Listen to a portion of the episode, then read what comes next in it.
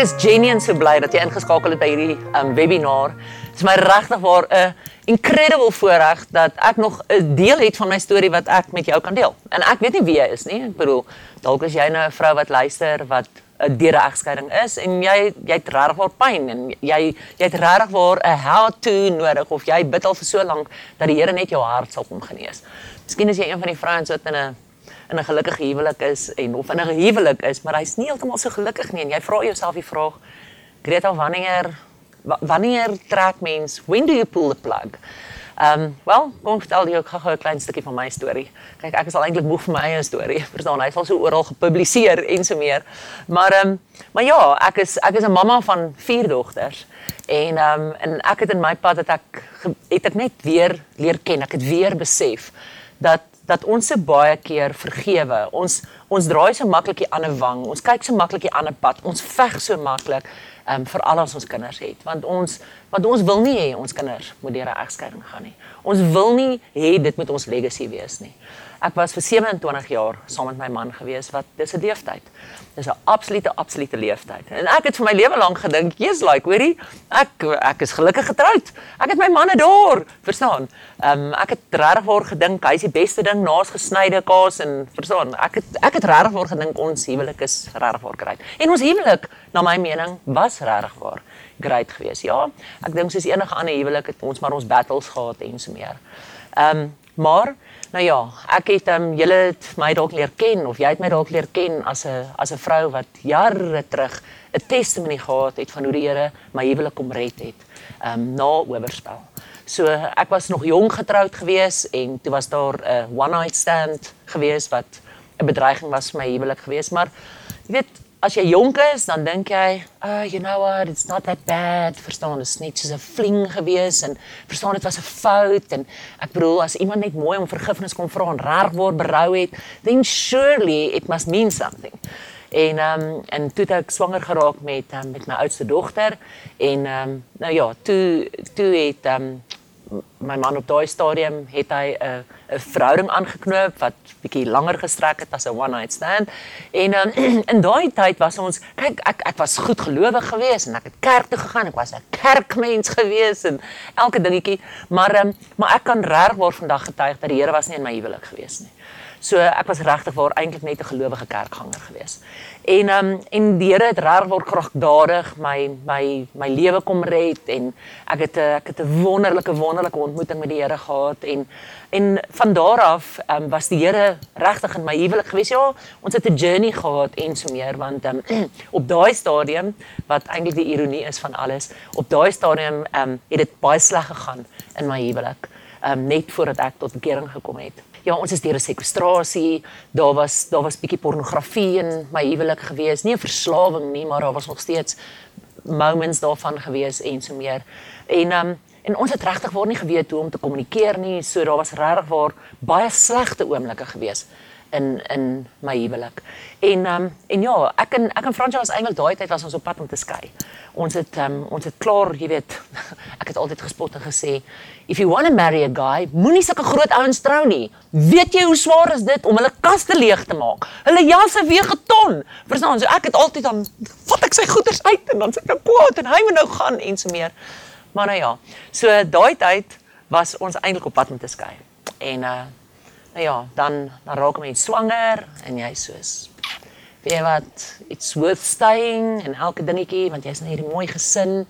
En uh, nou ja, en toe is die sekwestrasie en toe val alles uitmekaar uit en toe het um, toe hy 'n verhouding gehad met 'n met 'n vroutjie wat ehm um, wat so 20 jaar ouer was as ons gewees en ehm um, dit was altyd ek het altyd gesê weet jy wat ek gaan nog eendag 'n boek skryf en uh vir mans wat verhoudings het met baie ouer vrouens die boek se naam gaan wees Loy Apploy of Grab a Granny gaan die Engelse weergawe wees. So maar dit is maar net my afsin vir humor. Jy ehm um, hoef nie daarvoor te lag nie. Dalk is jy die ouer vrou en jy waardeer glad nie my grappie nie, maar ek het gedink is baie snaaks. En uh ja, en toe kom ons tot bekering en toe het die Here regtig uit hierdie gemors uit 'n bediening geskep. En ek het my lewe lank het ek wel ek het, ek het die meeste grootste deel van my volwasse lewe en van my huwelik was ministry. En ons het huwelike bedien en ons het mense gehelp. En dit was ook die eerste woord wat ons gekry het, is dat dat die Here ons twee gaan oprig en dat hy dan dat hy ons gaan gebruik om mense se huwelike te red. En vir 15, 16 jaar was ons huwelik noem dit na my mening skoon, 'n fair vry en so meer. En so 'n hele paar jaar terug toe gebeur dit dat ek uitvind van 'n 2 jaar lange affair en um, en ek het gevoel weet jy wat dit's amper soos 'n first offence want um, ek bedoel surely as jou huwelik jy weet vir so lank 'n affair vry was dan is dit reg waar eintlik net weer 'n fout.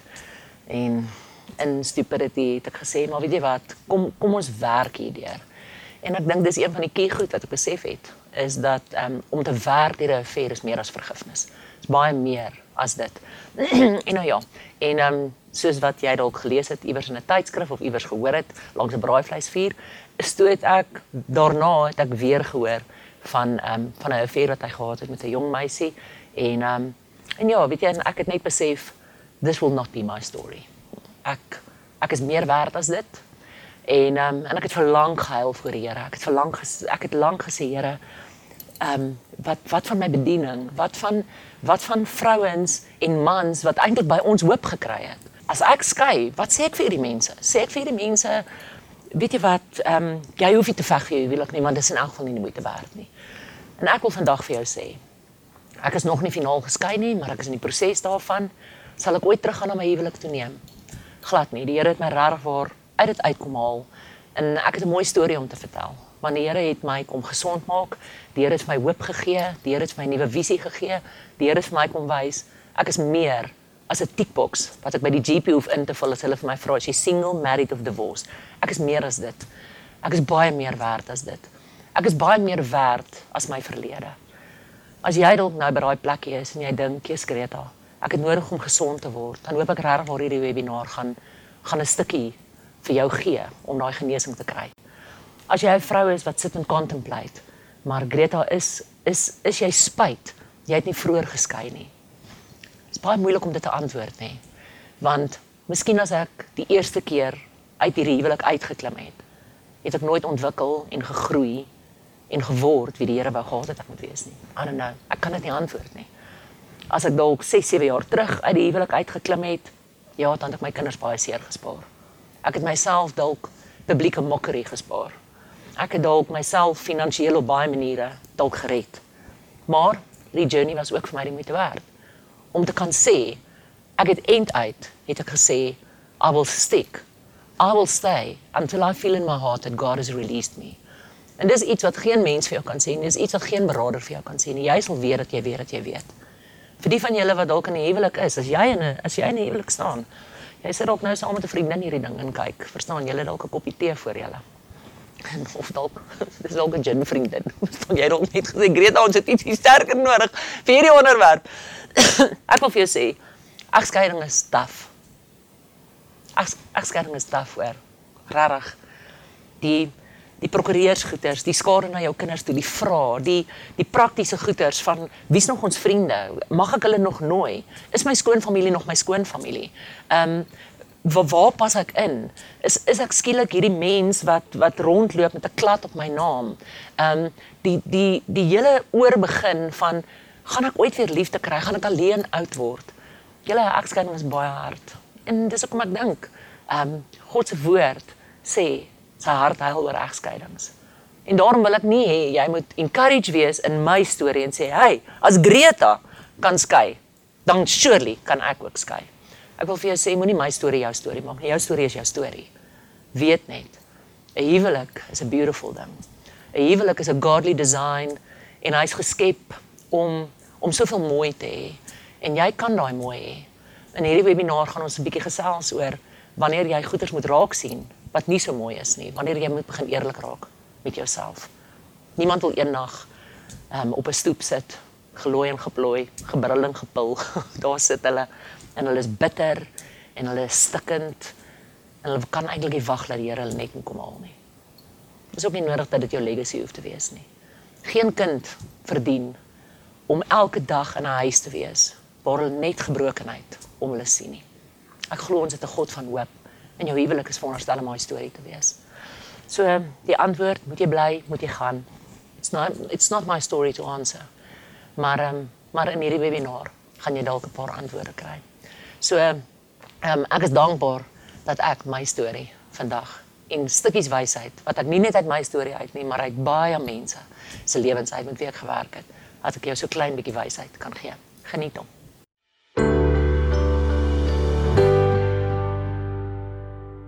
Daar is niks waarder as die gesegde wat sê liefde maak jou blind.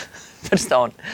As 'n mens verlief is of jy jy veg vir verkeerde redes vir 'n huwelik of wat ook al, dan is dit amazing hoe doof jy raak. Hoe mense net vir jou sê, "Chomma, sien hierdie ding raak." Hoe jou ma voordat jy trou vir jou sê, "My kind, luister na mamma, sien asseblief hierdie ding raak." Maar nou ja, liefde maak ons maak ons regtig word blind. Ehm um, maar daar's niks wat jou oë so oopmaak soos om getroud te wees nie om in daai eerste konflik en in daai eerste oomblikke in te loop nie. Ehm um, ek gaan in die volgende paar minute gaan ek met julle vyf punte deel. Wanneer is jy eintlik in 'n verhouding wat jy gevaarlike goeders moet raak sien? En gevaarlik behels nie 'n pistool nie en dit behels nie jou vuis nie. Ehm um, partykeer is die groot gevaar dat ons toelaat dat met ons harte gemors word. So ek wil jou ek wil jou 'n klein bietjie uitdaag en vir jou sê, moenie net deur die webinar luister en um, en elke keer net aangaan met 'n storie. Nee, as ek klaar is met een punt, vat ook net so klein bietjie 'n pause en dan um, dan bedink jy net die goeters wat ek met jou deel. Want ehm um, want daai doofheid en daai blindheid is dalk iets waarmee jy vandag geskit moet word. Nou, ehm um, being South African Nee, dink ek is daar so klein bietjie van 'n twakkie wat ons geleer word. Um, ek het eendag ja, was ek amper in groot moeilikheid geweest. Dit sou nie die eerste keer gewees het nie. Wat ek gesê het, ek dink ons moet begin praat oor geestelike narcisme. Né? En dis almal sê, "Wat? Waarvan praat ek?" Dis sê ek, ek dink daar's so bietjie in ons huwelike of in ons verhoudinge Ehm um, en veral tussen ons Suid-Afrikaners, Afrikaners baie spesifiek dat dat ons 'n bietjie 'n wanpersepsie het oor oor seggenskap en hiërargie en mag en en besluitneming en sulke goeters in ons huwelike. Ehm um, ek bedoel ons word in ons huweliksformulier word ons baie duidelik sê ons dit, maar ons hak al vas by die eerste sinnetjie wat sê en die man is die hoof van die huis En dan vergeet jy die res van die stukkie en dan staan daar en jy moet onderdanig wees. Verstaan? Maar niemand praat ooit daaroor maar wat effek beteken hierdie goeters nie? Wat beteken dit? Jou man is nou die hoof van die huis, kry hy 'n balkie, is hy hoofseun. Verstaan? Word jy skolierpatrollie, kry jy 'n uniform. Moet jy net kyk dat die kinders oor die pad kom? Moet jy nou en dan lê vir 'n vergadering met hoofseun? Ek weet nie. Verstaan? Wat beteken daai goeters? Ons praat regtig waar nooit daaroor nie. Ehm um, maar die ring ding ding ding ding ding ding wat vir ons as vrouens net van so jongs af geleer word is jy moet onderdanig wees. And it is true because it's a scriptural truth en ek stem heeltemal daarmee saam. Maar wat is jou persepsie rondom hierdie goeters? En miskien staan jy in 'n verhouding waar jy so wanpersepsie oor hierdie goeters het dat dit dalk die oorsaak is dat jy in 'n verhouding is wat regtig waar eintlik brutally ongesond is. Julle as jy 'n onderdanige vrou is, dan moet jy besef wat dit regtig word beteken. Jy's nie 'n slaaf nie. Jy's nie minderwaardig nie. Um ek bedoel, dit was altyd vir my so 'n amazing deel waar God se woord sê, um die man is oor die vrou aangestel, maar sy is sy gelyke. Bietjie confusing, nê. Um ek bedoel, as jy nou bo of as jy nou gelyk, verstaan, waar staan jy in hierdie posisie? En uh, en toe besef ek net, um jy weet as ek my kinders by die huis sou los en ek gaan gaga winkel toe En ek wil hê my kinders moet net veilig wees by die huis, maar hulle het nou nie iemand wat na hulle kyk nie. Wie stel ek aan? Ek stel my oudste kind aan. Ek sê vir my oudste kind, "Sissa, kyk net gou-gou vir mamma na die sissies." As ek sou terugkom en ek sien, weet jy wat, my kind is besig om haar tande skoon te krap met 'n jagmes, my kleintjie, dan gaan ek afhangende of ek daai dag van haar hou die mes wegvat en sulke tipe van goeters en um, maar van wie gaan ek verantwoordelikheid eis? Ek gaan my oudste kind sê, "Hey, hallo, Wat gebeur hierso? Wat doen jy? Wat gaan my oudste kind heel eers sê? Tipies. Mamma, ek het vir haar gesê, dis nie ek nie, dis sy. Verstaan? Tipies. Dis wat met Adam en Eva gebeur het. God het vir Adam het hy eintlik vir hom die parameters gegee en hom gesê Adam, van hierdie boom van goed en kwaad mag jy nie eet nie. Nee, hy het dit nie vir Eva gegee nie, want Eva was nog nie geskape nie. Verstaan? Hy het dit vir hy het dit vir Adam gegee. Daar's 'n daar's 'n stuk van verantwoordelikheid, maar daar's 'n stuk van autoriteit, maar daar's 'n stuk koningskap, daar's 'n stuk iets van Jesus se model wat jy eintlik moet beleef in jou huwelik, in jou verhouding. En dit is nie baaskap nie. Dit is nie ehm um, dit is nie ek heers oor jou nie. God het nêrens gesê dat 'n man veronderstel is om oor 'n vrou te heers nie. En dis iets wat jy vandag baie baie mooi moet hoor. As daar enigsins goeders in jou verhouding is waar jou man, jou verloofde, jou kerel gereeld goeie sê soos jy sal want ek is die baas van hierdie huis. Ek weet nie wil jy hierdie deel van die video vir hom speel nie, maar net 'n hond het 'n baas. So, as 'n man sy vrou so wil hanteer, dan moet hy nie kwaad raak as haar 'n teef is wat vir hom grom nie. Okay, grappie. So miskien wil jy daai deeltjie vir hom speel. Nee, hoe lyk hoe lyk hierdie hele tema van mag en dominansie in 'n ongesonde verhouding? Dit is wanneer vrouens geen sê het en geen reg het tot byvoorbeeld klein praktiese goedjies soos finansies nie. Soos weet jy wat, ek het besluit en ek het die huis gekoop en ek het 'n kar gaan koop en ek het besluit, verstaan daai, daai ek besluit. Hoekom? Want dis nie God se plan van unity nie. God se plan van unity is we are in a partnership. And and I'm your equal. Yes, you are the head of the home. Maar dit beteken nie jy het meer seggenskap as ek nie. Jy het meer verantwoordelikheid as ek. But I'm supposed to be your counselor. I'm supposed to be your partner.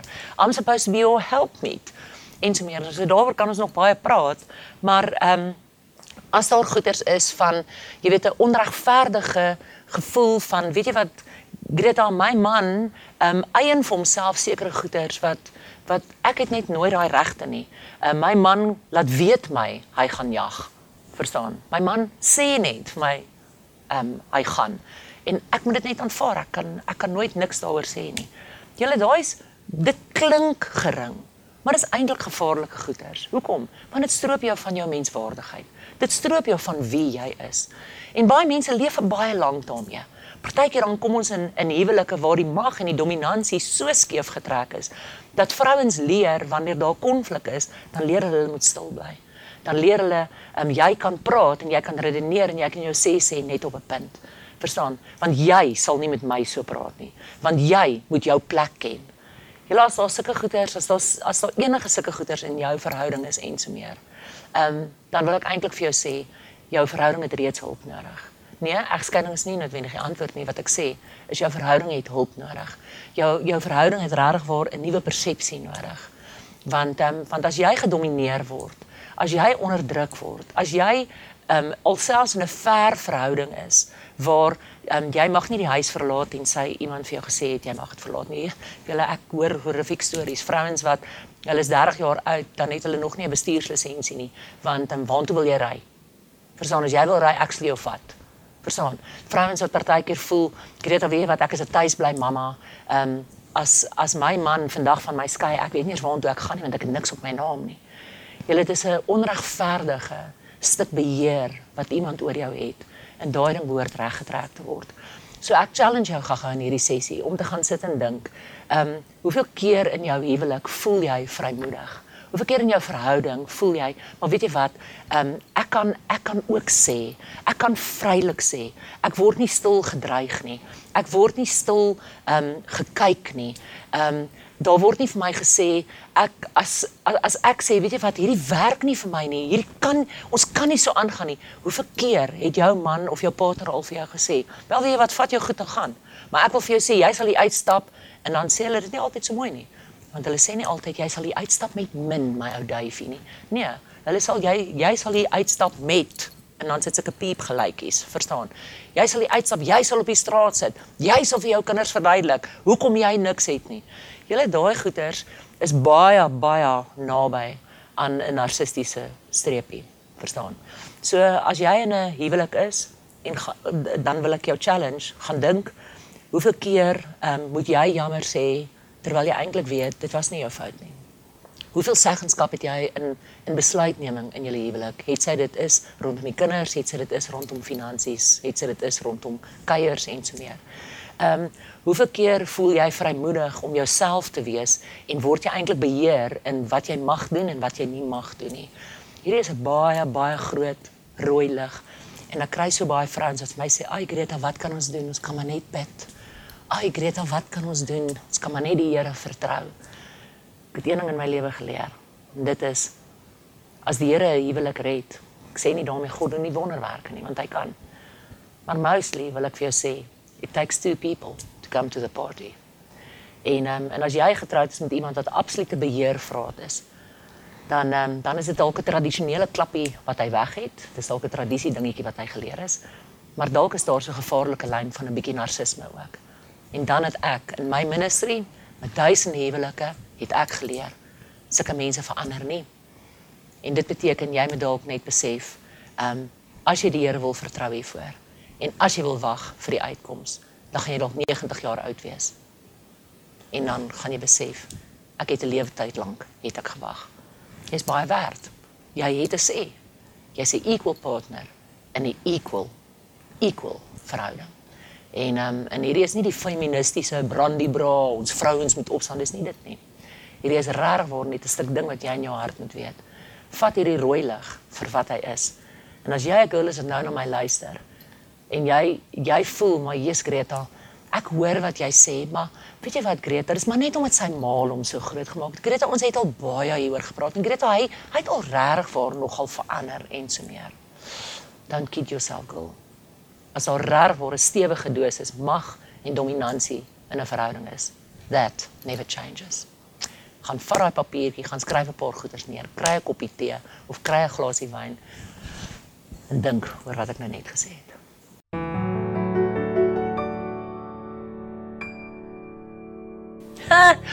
Ons is by die baie belangrike onderwerp van kommunikasie. Baie min van ons word geleer hoe om met mekaar te praat en regtig 'n sinvolle gesprek te hê en regtig regtig konflik uit te sorteer. Nou hierdie is nie 'n webinar wat gaan oor the how to om te leer om te kommunikeer nie. Hierdie gaan oor bly ek gaan ek, waar trek my huwelik, watse rooi lig moet ek raak sien? Nou, julle, luister, die krisis van kommunikasie is A, ons word nie geleer hoe om te kommunikeer nie. Ons het baie keer dat ons baie swak voorbeelde gehad. Baie mense sê vir my, "Greta, my ouers het nooit beklei nie." Greta, weet jy, ek kom uit regtig, ek voel so bevoordeel want my ma het nooit vir ons beklei dan dink ek dis eintlik bietjie satterig hoor dis bietjie lekker dom om. Hoekom?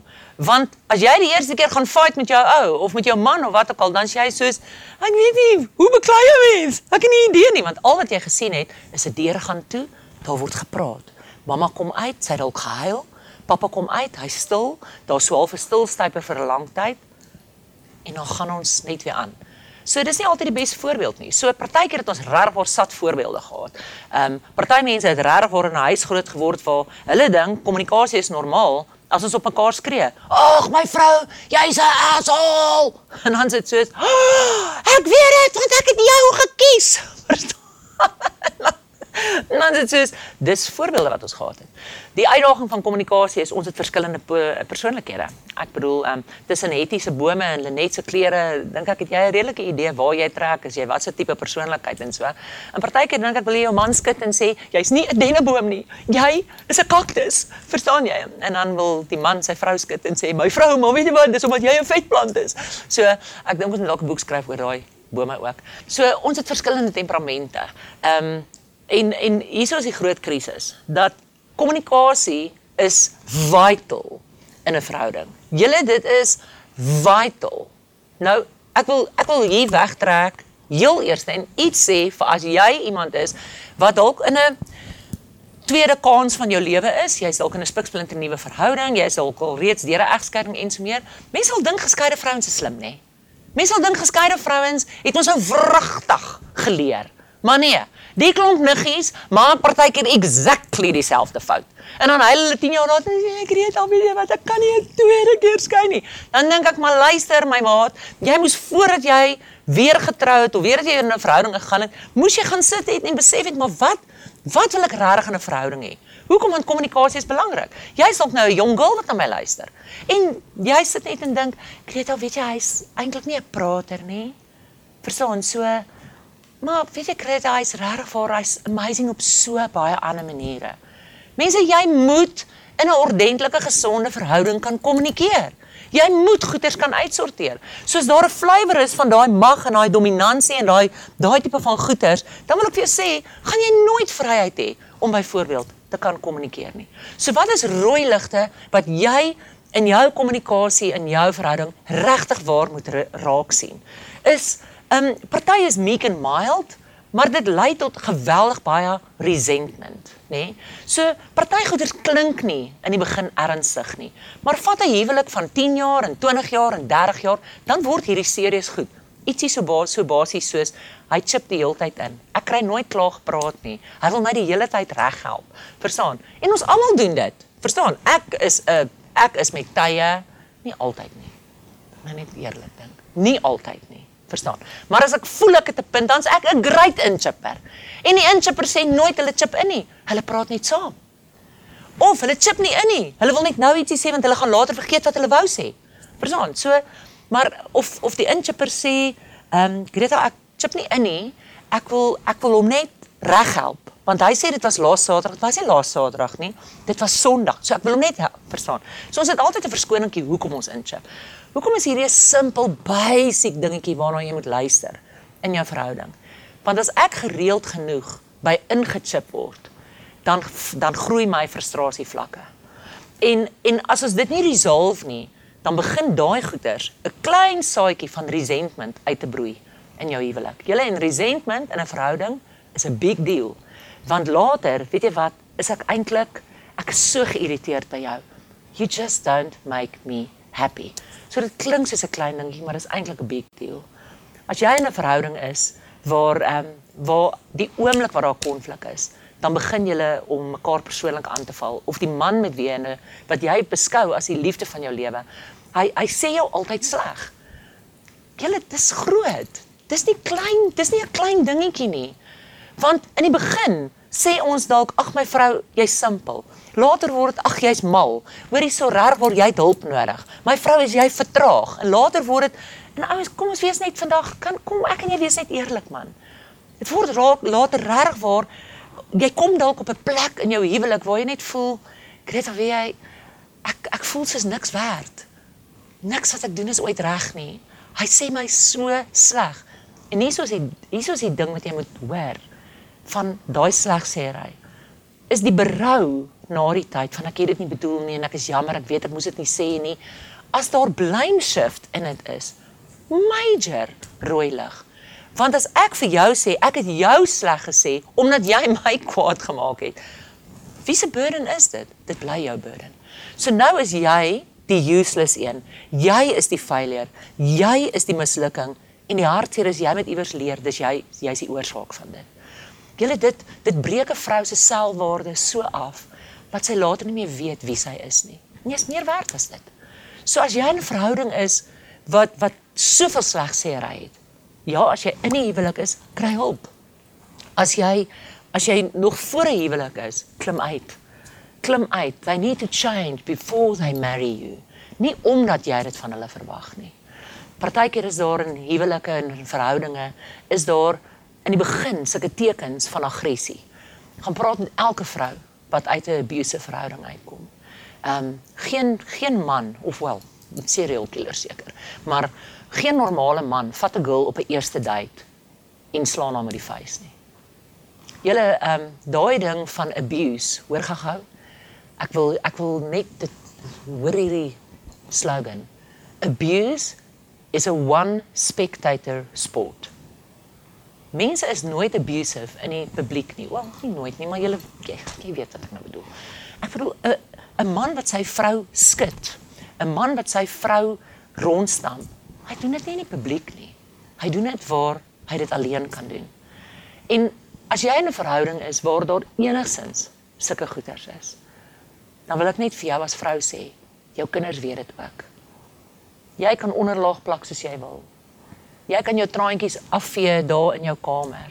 Jy kan uitgestap kom en sê dit is niks nie julle, dit is niks nie. Jou kinders weet. En weet wat se hartseer hiervan?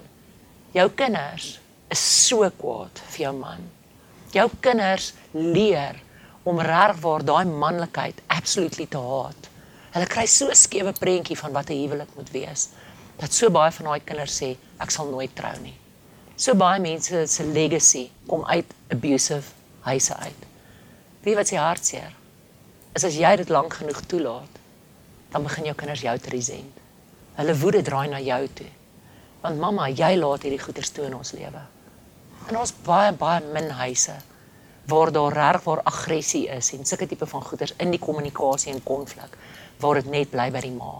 Die kinders loop op 'n stadium ook deur. Ek sê weer, jy is meer werd as hierdie. As jy in 'n verhouding is wat net nou wat iemand vir jou sê, nou beter jy stil bly. Nou en en askies as ek hom so reguit sê, maar ek gaan hom so reguit sê. As hy vir jou begin sê nou moet jy jou bek hou. Ek klap jou bek vir jou toe. Vandag, vandag en dan kom daar sulke woordjies. As jy vandag getiet wil word, dan sê ek nou, as daai die eerste keer wat jy daai belewenis het van, okay, sorry, sorry, die eerste keer wat jy daai belewenis het, sê ek vandag vir jou, it's time to move. It's time to go.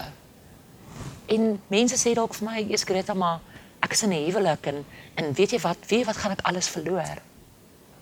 Dan sê ek vir jou, "Ja, ek weet. Ek weet." Miskien is dit 'n amazing deel van my storie dat ek vandag hier kan staan en sê, "Ja, ek weet." Maar ek kan ook vir jou sê, weet jy wat, weet jy wat jy verloor as jy bly? Jy verloor jouself. So abuse, daai vorm van aggressie, al is dit verbaal, daai van weet jy wat ek raak so persoonlik. Daai van ek bly so in chip ek resent later hierdie gesprek so. Alles baie gevaarlike goeters en dan die heel laaste ene wat mense baie keer geringskat is ek is in 'n verhouding waar daar net glad nie gepraat word nie. As ek vra hoe was jou dag? Hm wat is fout? Hm niks. Verstaan. Dis nie 'n lekker verhouding om in te wees nie vir jy wat getroud is is dit 'n rede om te skei surely not is dit 'n rede om hulp te kry. Absoluut. Vir jou wat nog 'n geleentheid het om te sê, maar is ek okay daarmee om in 'n huwelik te wees, tweede, derde huwelik, eerste huwelik? As jy 'n jong meisie is wat nou in 'n verloofde verhouding is of wat ook al. Ehm um, as hy nie met jou kan praat nie, as daar altyd stilstype is, dan wil ek net vir jou sê, you can choose that. Maar jy kies 'n stil huwelik waar jy eintlik nie maar mekaar se harte gaan leer ken nie. Miskien vir die volgende 50 jaar. So, choose well.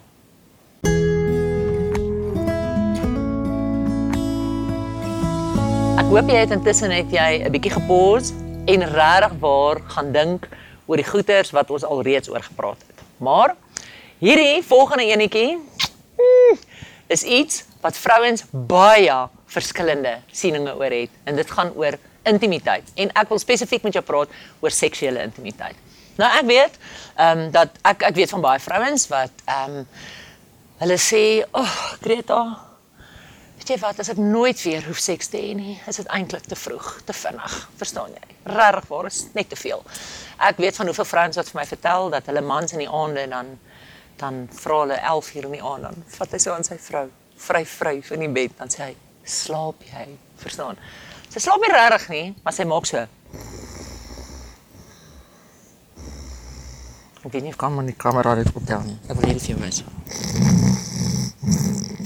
Doe doe jy. Verstaan, jy slaap nie regtig nie. Jy's eintlik besig om te bid, Here, laat die beker net by my verbygaan. So, ehm um, en dan op die einde van die dag dan as jy jou man jou omgedraai kry en elke ding dan lê jy soos 'n rot wat gif ingekry het. So, ehm um, ja. So party mense het regtig waar sulke tipe van stories. Hulle sê Greta, regtig waar seks is nie vir my lekker nie en so meer ander vrouens se verhaal lyk like, egter bietjie anders. Wat sê Greta? My grootste seer is dat ek wil 'n gesonde seksuele verhouding hê maar ek is so alleen in die slaapkamer.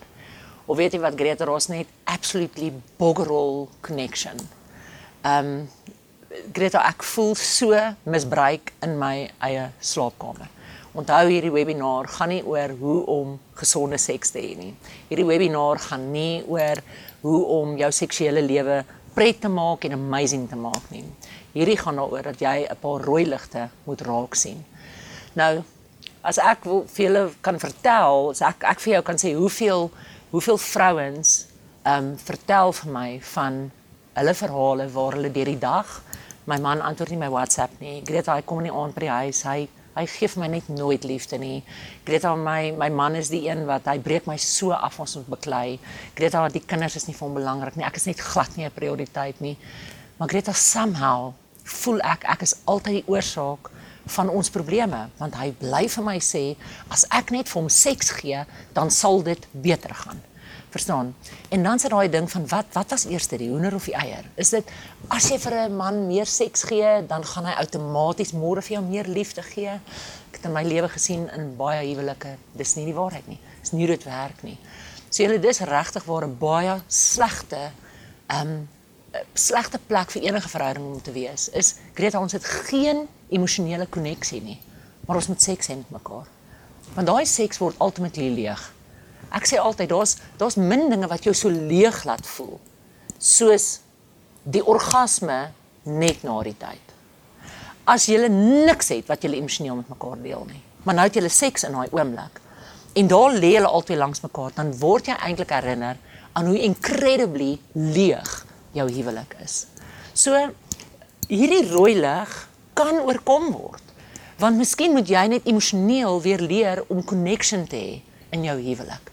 Maar julle as jy al hoeveel keer hieroor gepraat het, jy het al hoeveel keer vir hulp gegaan en so meer, dan dan is dit die moeite werd dat jy dalk so bietjie 'n skit oomblik het in jou huwelik. Nee, ek praat nie van egskeiding nie. Ek praat nie van bietjie van 'n ultimatum. Ek praat van luister, ons moet deur hierdie issue werk. Daar's baie vrouens wat in hulle slaapkamers 'n belewenis het van absolute last.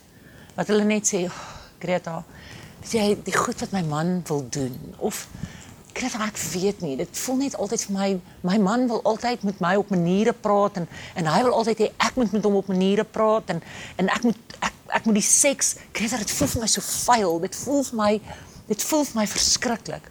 Julle as jy as jy 'n geredde vrou is, as jy 'n verhouding het met die Here, dan dan sal so iets jou doodmaak.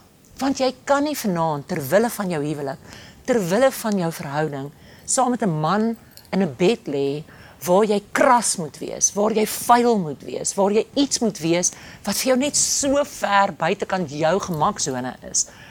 Maar maar vanaand na die tyd dan wil jy kan stil wees voor die Here. Dit sal jou geestelike lewe sal dit skade maak. Dit sal ultimately sal dit jou in soveel verwarring plaas en ek hoor van soveel vrouens wat soveel skuldgevoelens het oor goeders wat hulle toegelaat het in die poging om hulle intimiteit te red ek ek het al van vrouens gehoor wat sê Greta, ek het saam met my man begin pornografie kyk. Want want Greta hy sê net ek is koekerig. Hy sê net ek is net nooit lus nie. Greta my my man het al vir my goeders hier aangebring. Greta het al vir my toys hier aangebring. En dan wil hy hê ek moet nou saam met hom deel wees van al hierdie vibrators en al hierdie goeders wat hy hier aanbring en so meer. Greta, ek sal enigiets doen om my huwelik te red. Ouens, daai goeders is nie dis nie intimiteit nie. Dis seks. Dis lust. Jy kan jy kan iemand betaal om dit te kry. Daai goeder vervul nooit 'n verhouding nie. Ehm um, en en dalk dalk voel jy jy's Greta maar dit het dit het 'n stuk adventure na ons huwelik toe teruggebring. Beer as dit my. Ehm um, ek het te veel keer in my lewe het ek het ek vrouens se verhale gehoor wat sê Greta ons het begin met net 'n bietjie van 'n toy en bietjie van 'n jy weet bietjie 'n ding om net ons huwelik op te spice en so meer. Maar as jou huwelik buitekant dit, jou verhouding buitekant dit, nie subs, substance het nie. As as daar nie 'n emosionele fondasie is nie, weet wat gaan, gaan jy gaan jy in vasgevang word. 'n Verhouding wat die enigste kere wanneer jy 'n joy by mekaar het, is wanneer jy die speelgoed of die great sex het. En dit beteken jou huwelik gaan bestaan uit seksuele hoogtepunte uit. Maar hierso is die hartseer. Is mense besef nie, jy word ouer. Julle jy kan nie altyd nis Betsy wees nie. Daar gaan 'n dag wees wat jy 'n vrou is wat vir jouself in die spieël kyk en jy gaan nie van hou van wat jy sien nie. Daar gaan 'n dag kom wat jy en jou man net op 'n stoep gaan sit en julle gaan vir mekaar sê, "Jesus, dit sou great gewees het om nou lus te kon wees." Verstaan? Daai dag wag. Ouderdom kom. En as jou hele huwelik gebou was op fisiese lust, dan kry jy mense wat op 'n stadium al hoog is in hulle ouderdom. Dan sê hulle, "I quit. Kan nie meer deel wees hiervan nie." Iets wat ek voel jy vandag absoluut moet hoor is as jou partner struggle met goed soos pornografie. As as jy hom al gevang het daarmee, as jy dit gesien het op sy foon, kan ons vrouens asseblief net ophou om na die verskonings te luister.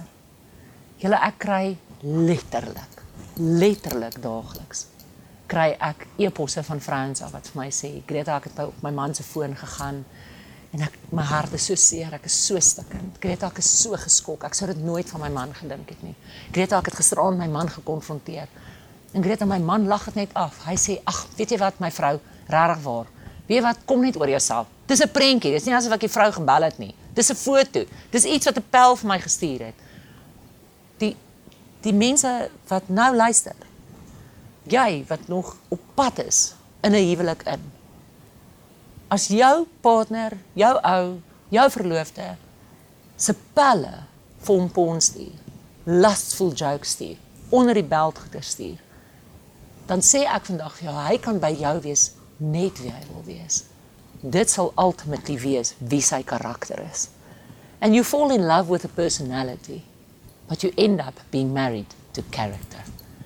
So jy moet daai karakter gaan toets om vir jouself as vrou te probeer jok en die die fout by jouself te kry. En te sê ag Greta, ek neem aan alle mans kyk dit seker maar. Ag Greta, weet jy wat? Ek moet seker maar okay wees daarmee. Dis daarom verneek hy my nie. Daarom slaap hy nie rond nie. Hy verneek jou. Want jy is nie die vrou waar hy fantasieer nie. Hy fantasieer oor iemand anders. En ek weet hierdie is brutal woorde. Maar dit is my so dit breek my hart om te sien hoeveel vrouens se lewens na jare uitmekaar uitval. Omdat hulle in die begin vir hulle self gejok het oor goeder soos las. Jy is dit werd om geliefd te voel in 'n slaapkamer. Jy is dit werd dat 'n man jou deur die dag kan lief hê en in die aand 'n amazing hoogtepunt saam met jou kan vier. Jy's nie 'n vloerlap nie. Jy's nie 'n objek nie. Jy's nie 'n speelding nie. Jy's nie net 'n ma wat nou maar net jou dienste moet lewer nie. Die feit dat jy selfs met 'n broodwinner getroud is en jy is 'n tuisbly mamma, jy's nie 'n kind wat sakgeld moet verdien nie. Jy's nie 'n prostituut nie. Jy's genuen baie werd. So moenie hierdie rooi lig van die tafel afvee en grappies maak oor lust en dit gering ag nie. Ek kan vandag met die grootste oortuiging vir jou sê, as daar seksuele afwesigheid en koudheid is, is 'n slaapkamer die koudste plek in die hele wêreld. As jy agter die slaapkamer deur misbruik word, is dit die slegste slegste slegste vorm van van misbruik wat 'n vrou enigsins kan beleef. As jou man byt kan die slaapkamer ander vrouens entertain op sy foon en waar ook al. Dis die slegste vorm van egbreek wat 'n vrou kan beleef. Want die wêreld sê you need to stay want hy het jou nie verneek nie. Moenie las onderskat nie. Las is 'n onversaagbare dier. Hy hou aan groei solank jy hom voer. So as jou man nie bereid is om ware berou te hê nie. As jou man nie bereid is om actual hulp te kry vir 'n seksuele verslawing of vir seksuele koudheid nie, dan sê ek vir jou, jy mag jouself help. Jy mag jouself help deur die regte hulp te kry.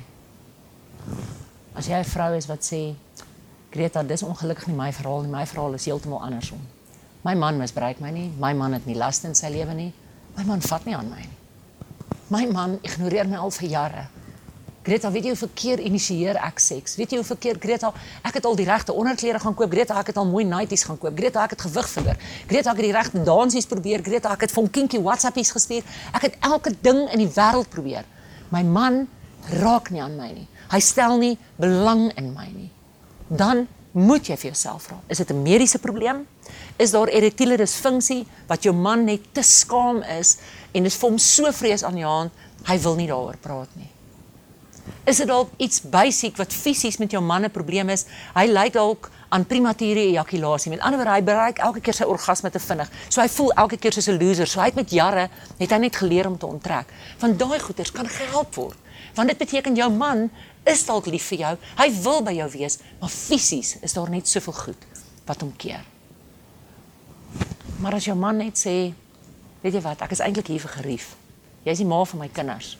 Ek is hier want jy was hier wasgoed en jy maak die kos, maar ek gaan nie aan jou raak nie. Ek stel nie belang in jou nie.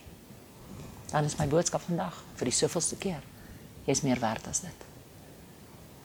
Ek dink almal verdien 'n man wat hulle liefhet, wat hulle vashou en jy weet terwyl hy jou vashou, dink hy net aan jou.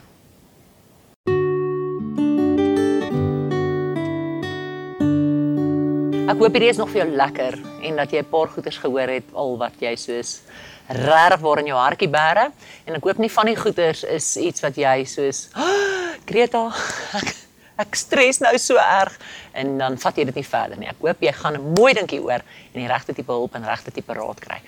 Hierdie onderwerp waaroor ek in hierdie snit met jou praat is obviously iets wat my bietjie na in die hart lê, maar ek wil jou verseker, ek praat nie oor hierdie onderwerp omdat ek 'n vrou is wat deur 'n egskeiding gaan as gevolg van ontrouheid of verraad nie.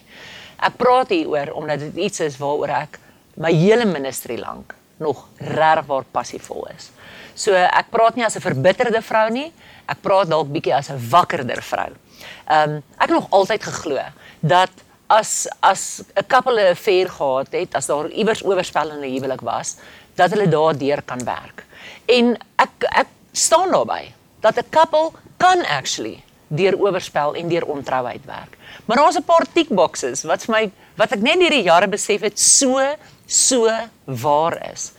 En dit is as dit 'n lang verhouding was, die affair nou, die ontrouheid of wat ook al. As dit 'n lang, diep emosionele koneksie was en so meer, dan is die kans vir 'n huwelik om na so iets te herstel regtig, regtig baie skraal. Ja, doen God wonderwerke? Ja, hy doen. Ehm um, so ek kan nie ek kan nie namens iemand anders praat nie. Maar Jesus julle, ek wil vir julle sê dat ek het in my lewe gesien met so baie vrouens en mans dat as hulle as hulle eers buitekant hulle huwelik emosioneel bereid was om hulle gesinne eintlik op 'n manier um, af te skeep as 'n man eers by daai punt gedraai het waar hy eintlik swak karakter gewys het hy hy jok aanhoudend. Hy het eintlik met conniving maniere het hy planne gemaak om hierdie ander vrou te sien. Hy het eintlik van hele geld gevat om haar te kan bederf en so meer. As as daar 'n diep verbintenis was en en dis 'n geval van hy sê maar hy het lief geword vir haar of wat ook al, dan dan wil ek vandag vir jou sê, do not stay. Do not stay. Ek het dit te veel gesien dat vrouens 'n jaar of 2 jaar laat agterkom. Ehm um, weet jy Greta, ek ek het gedink is verby. Ek ek het gedink hulle verhouding het geëindig. Ek het gedink ek het gedink hy sien haar nie meer nie. En dan 'n jaar laat, 2 jaar later dan dan sien jy daai koneksie was nooit verbreek nie. Julle 'n mens moet besef dat 'n affair in sy wese ehm um, wys swak karakter. 'n Affair in sy wese deel eintlik op 'n manier met 'n leengees. En dit klink soos baie harde woorde, maar dis die absolute reine waarheid. So ek ek kan vandag vir jou sê dat ehm um, geen mens spring een oggend op en sê Jesus, like, vandag is 'n goeie dag vir 'n affair. Ek bel sommer nou die sekretaresse en hoor wat doen sy vanmiddag nie. Mense begin nie 'n affair so nie. Ehm um, en ons mense moet ook onderskei tussen is dit 'n affair wat 'n emosionele komponent gehad het, is dit is dit daai vlak van ontrouheid? Of is dit ontrouheid dat Greta ek het agtergekom my man praat op chatrooms. Of Greta my man kyk pornografie wat 'n vorm van ontrouheid is. Ehm um, of Greta weet jy ek het agtergekom my my man het nie seks met die vrou met wie hy chat nie, maar maar hy hy is die hele dag met haar op sy foon. Met ander woorde daar's 'n tydskomponent wat hy wat hy absoluut nie die hele tyd met hierdie vrou wil spandeer. Ehm um, partykeer dan is haar ontrouheid soos goeters met prostitusie. En dan wil ek vir jou sê dis dis baie moeilik om nou vir jou raad te gee en te sê hoe lyk hierdie rooi lig? So ek gaan na die beste van my vermoë gaan ek gaga hierdie ding vir jou probeer opbreek. As jy jou man uitvang met goeder soos um, ontrouheid wat gaan oor prostitusie. Met ander woorde daar's geen emosionele verbintenis nie. Jy kom agter hy besoek verskillende vrouens, hy betaal hulle actually daarvoor en so meer. Dan praat ons nie van hierdie man het 'n emosionele krisis rondom jou huwelik nie. Sulke mans het baie dikwels het hulle 'n geskiedenis van molestering, hulle het 'n geskiedenis van seksuele blootstelling van 'n jong ouderdom af.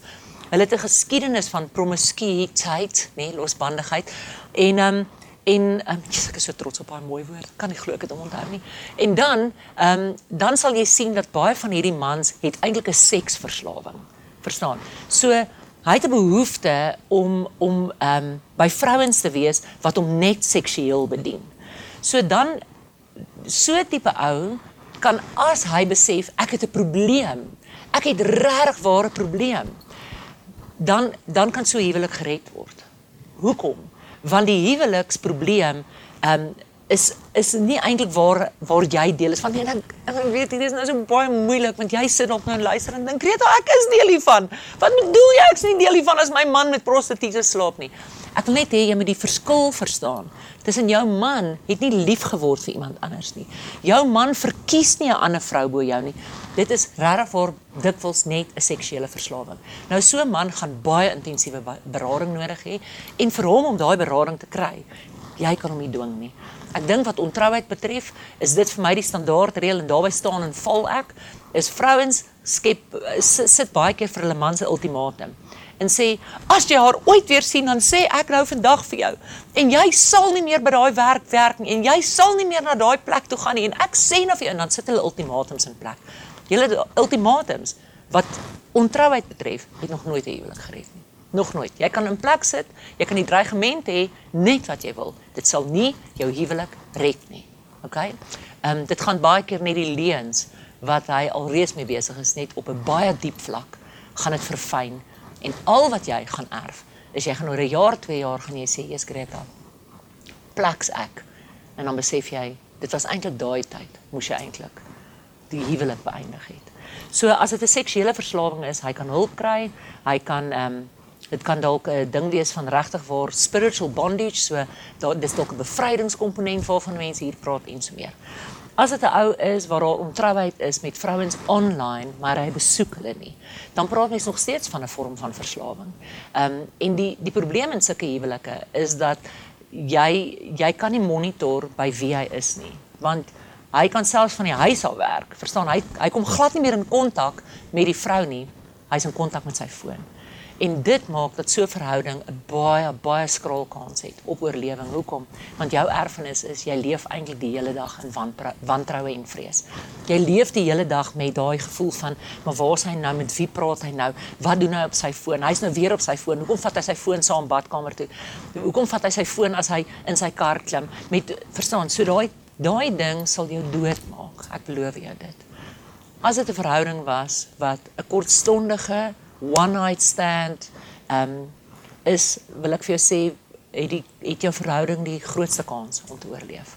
As dit byvoorbeeld 'n ding was van weet jy wat um die man was by 'n werksfunksie gewees en hy het te veel alkohol gebruik en so meer. En daar was hierdie kollega van hom and things happened verstaan? Maak dit reg? Nee. Maak dit minder seer? Glad nie. Wat ek vir jou sê is in terme van 'n gevaarteken jou huwelik het die grootste kans om te oorleef met sulke tipe ontrouheid. Want dit was regtig 'n fout. En sulke mans het gewoonlik die diepste vorm van berou want dit wat hy gedoen het is so ver buite van sy karakter. Ehm um, en en daarom word dit iets wat jy makliker vergewe. Dis dit die vertroue word makliker herstel en so meer. Die seer is nog steeds 'n baie lang pad om mee te stap. Maar jou jou huwelik het die grootste kans met dit. As dit 'n emosionele verhouding was wat seks ook gehad het, wat ehm um, hulle hulle het met mekaar gevoelens gedeel. Ek mis jou. Ek wens ek was nou by jou. Ek wil net ek wil net nou jou in my arms hê en ek is lief vir jou en ek kan nie wag om jou weer te sien nie en al sulke goeders. Ehm um, sulke huwelike te skraal kans om te oorleef. En ek dink die eind van die prent van ontrouheid is jy jy moet vir jouself gaan bepaal, is dit regtig waar? Is dit iets wat die eerste keer gebeur? En hoe hanteer jou man dit? Want ware berou impliseer ware verandering. Ware berou kom saam met sacrifice. As iemand nie bereid is om te sacrifice in hulle berou nie, sê ek vir jou daai berou het iewers oop deur en jy sal weer dieselfde pad stap. Ek dink jy daar's soveel vrouens wat vir hulle self verskoning soek. Dis daai wat ek julle in die begin gesê het. Jy het kinders, jy het nie 'n finansiële finansiële inkom nie. Jy voel dis geestelik die regte ding. En intussen leef jy eintlik elke dag met 'n gevoel van jy weet nie wanneer gaan dit weer gebeur nie of is dit jy wat nie goed genoeg is nie en so meer. En die bottom line dink is die slogan van hierdie webinar, jy's meer werd as dit. So moenie elke keer om dieselfde berg loop nie. Dis oukei okay, as mens partykeer sê ek is moeg vir hierdie pad. Ek kies nou 'n nuwe journey.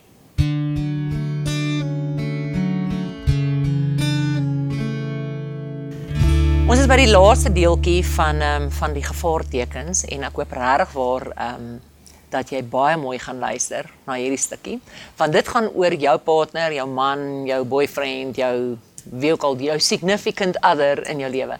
Se wil om te verander, nê? Nee? Die bereidwilligheid om te sê I'm going to work on this and at this. Okay.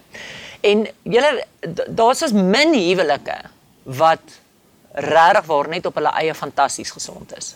Regtig. Daar's soos daar's min sulke mooi sprokiesverhale. Alle huwelike tref eendag aan 'n tyd 'n pothol. Party tref regtig waar goeters wat die hele kar se rim buig en party goeters voel hom net so klein bietjie. Daar's soos huwelike wat regtig bloei um oor goeters wat nie eers iets doen het met die huwelik nie. Dit is goeters buitekant die huwelik soos hulle het 'n kind aan die dood afgestaan en so meer. So die die bereidwilligheid om te werk aan jou huwelik is 'n moeilike onderwerp want dis nie altyd goeters wat jy jou hand op kan sit en kan sê Greta ons het hier hierdie issue gewerk en daarom het ons hulp nodig. Daar was 'n affair of daar was 'n 'n gambling ding of daar was 'n verskriklike uitbarsting van aggressie nie. Partykeer is dit net so 'n ding wat saam met jou kom van Greta ons het regtig vir hulp nodig. Greta ons moet iemand gaan sien. Greta ek ek het regtig vir 'n verandering nodig en so meer. En die die beauty van party huweliksverhale is as mense albei by die punt kom en sê we want to fight for this. Ons wil regtig vir doen wat ons moet doen, gaan sien wie ons moet gaan sien, maar dis nie almal se verhaal nie. Een van die grootste dinge wat ek teekom, ehm um, is wanneer vrouens vir my sê, as ek sê man, maar gaan sien iemand, dan sê hulle Greta, my man sal nooit 'n beraader gaan sien nie. Baie keer as ek en ek maak nie hierdie 'n manne probleem nie, want onthou daar's 'n ander kant van hierdie storie ook, maar ek praat net met jou as vrou, want um, daar's baie mans wat presies dieselfde belewenis het. So ek probeer nie hierdie manne die sonnebokke maak en hulle is skuldig en hulle is altyd die issue en so meer nie. Maar terwyl ek nou met jou as vrou praat, moet jy weet, daar's baie mans wat net voel Weet jy wat Greta, ek gaan nie my storie vir iemand anders vertel nie. Wat gaan hy nou vir my sê? Wat wat gaan hulle my nou mee help en smeer? Dat hulle net 'n absolute weerstand het om hulp te gaan soek. Julle een van die mees dodelike goeders in enige huwelik is trots. Pride is 'n verskriklike ding, want pride verander nie. Pride maak jou unteachable. Pride maak dat jy altyd reg is. Pride maak jou unwilling om um, om uit te reik en te sê iemand iemand kan my dalk 'n beter pad wys ens meer. Pride maak dat jy net super slim is. En dit is die dis die downfall van so baie verhoudinge. So jy moet vir jouself vra, waar ook al jy in jou journey trek, hoeveel keer het jou verhouding al 'n pothol getref? Hoeveel keer het jy al seer gehad? En dan sê jy maar ons moet hieroor praat. Ons moet hierdeur werk. En dan word dit eintlik net gebed. Dit word letterlik die issue word net van die tafel afgevee. Of weet jy, en dis daai ding wat ek gesê het van die kommunikasie dat dat jy word net stil gemaak. Of weet jy wat, jy maak 'n issue van alles. So jy moet net oor jouself kom. En ja my vrou, weet jy wat, ek besef ons het hulp nodig. Jy moet iemand gaan sien. As ons 'n grappie daarvan begin maak. Verstaan? Dan dan sê ek vandag vir jou.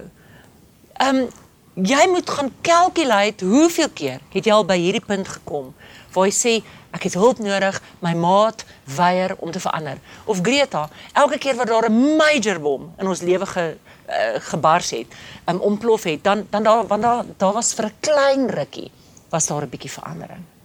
Julle daai noem 'n mens manipulasie.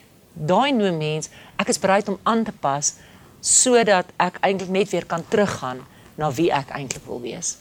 En dis 'n baie gevaarlike karakterpatroon in 'n mens se lewe, in in 'n verhouding. Um, berou wat ek nou-nou so vinnig aangeraak het, gaan altyd daaroor om te sê ek ek wil weet hoe het ek jou seer gemaak? Ek wil weet wat moet ek anders doen om jou liefde te behou? Ek wil weet hoe moet ek verander sodat jy nie seer gemaak moet wees nie? Ek wil weet wat kan ek na die party toe bring? Wat kan ek na die tafel toe bring dat ons huwelik kan beter wees? Julle dis een van die mees crucial eienskappe vir oorlewing want 'n pothol gaan jy 'n pothol tref. So as jy een van die vrouens is wat vir my sê, Greta, ehm um, my man se berou is hy sê hy's jammer, maar wanneer ons oor 'n maand weer praat, dan dan is hy die man wat sê weet jy Greta, ehm um, dan dan sê die vrou vir my Greta, my man sê daai toe hy daai jammer gesê het, hy het net jammer gesê want weet jy wat jy maak so 'n groot issue, dan was dit nie ware berou nie. Ware berou behels sacrifice. Ware berou behels ek het 'n behoefte om te verander. En kyk narcisme is 'n heeltemal 'n topik op sy eie en dis 'n huge topik in vandag se tyd. Maar dis iets wat jy dalk kan gaan oplees oor want as jy in 'n verhouding is waar daar enige vorm van narcisme is en ek sê nie nou jou man is 'n narcis nie. Ek sê as daar tekens is van narcisme, dan gaan daar uit die aard van die saak gaan daar 'n onbereidwilligheid en 'n absolute onbuigsaamheid wees om te verander. As ek al hierdie onderwerpe moet saamvat van van die ehm um, van die gevaartekens in jou verhouding. Dan wil ek vir jou sê maak nie saak waar jy gegaan het of waar jy werk of wat jy voel jy's Greta hierdie is wat in my huwelik gebeur en ek moet 'n besluit neem nie. Of dit verraad was of dit kommunikasiegoeders is of dit ehm um, intimiteitsgoeders is maak nie saak maak nie saak wat jy daai onderwerp wil noem nie. Die vraag is is jou maat bereid om te veg vir julle huwelik? Is jou maat bereid om op te offer om dit wat jy het te behou. Is jou maat bereid om te gaan vir hulp? Want dit is hoe belangrik jou huwelik of julle gesin vir hom is. As dit iemand is wat sê ek is nie bereid om te verander nie. Ek gaan nie iemand sien nie. Dan kry ek baie keer vrouens wat sê Greta ek sal een wees wat bly veg. Ek sal die een wees wat bly vertrou ek sal die een wees wat maar verander.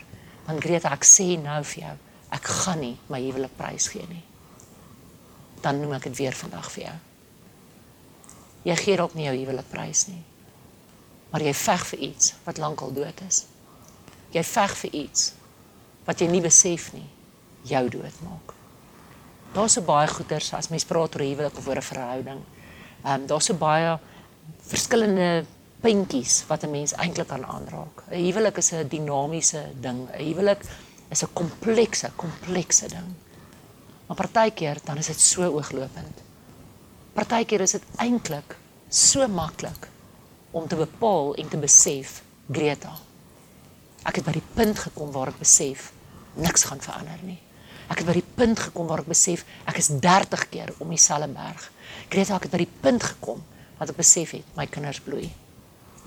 En miskien moet jy dan vandag hoor. As jou maat nie wil verander nie, is die vraag: Hoe ver wil jy verander om iets te behou wat lankal dood is?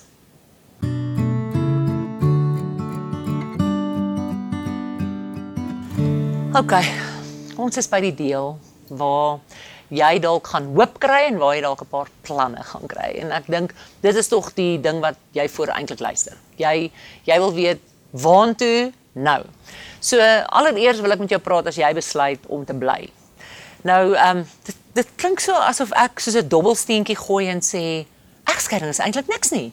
Verstaan? Gaan jy bly? Gaan jy dit los? Asof asof dit net so maklik is. Ek sê weer ouens, egskeiding is 'n verskriklike brutal ding, nê? Nee? So as jy as jy 'n uh, as jy enigstens hoop het, as jy enigstens sien maar daar's 'n kans vir oorlewing vir my huwelik, dan wil ek vir jou sê hou aan om te veg ek kom al hoe meer agter dat mense um vir verkeerde redes uit hulle huwelike uitklim.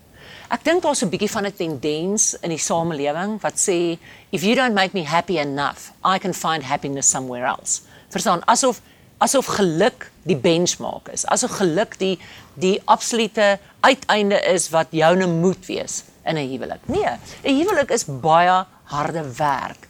So As jy soek na 'n huweliksmaat wat jou altyd gaan gelukkig maak, wat jou altyd gaan verstaan, wat altyd daar gaan wees vir jou en so meer, dan sê ek vir jou moet jy maar wag totdat die Here jou kom haal. Verstaan? Want hy gaan die perfekte bruidegom wees, want voor dan gaan jy in elk geval net met frustrasie saamleef.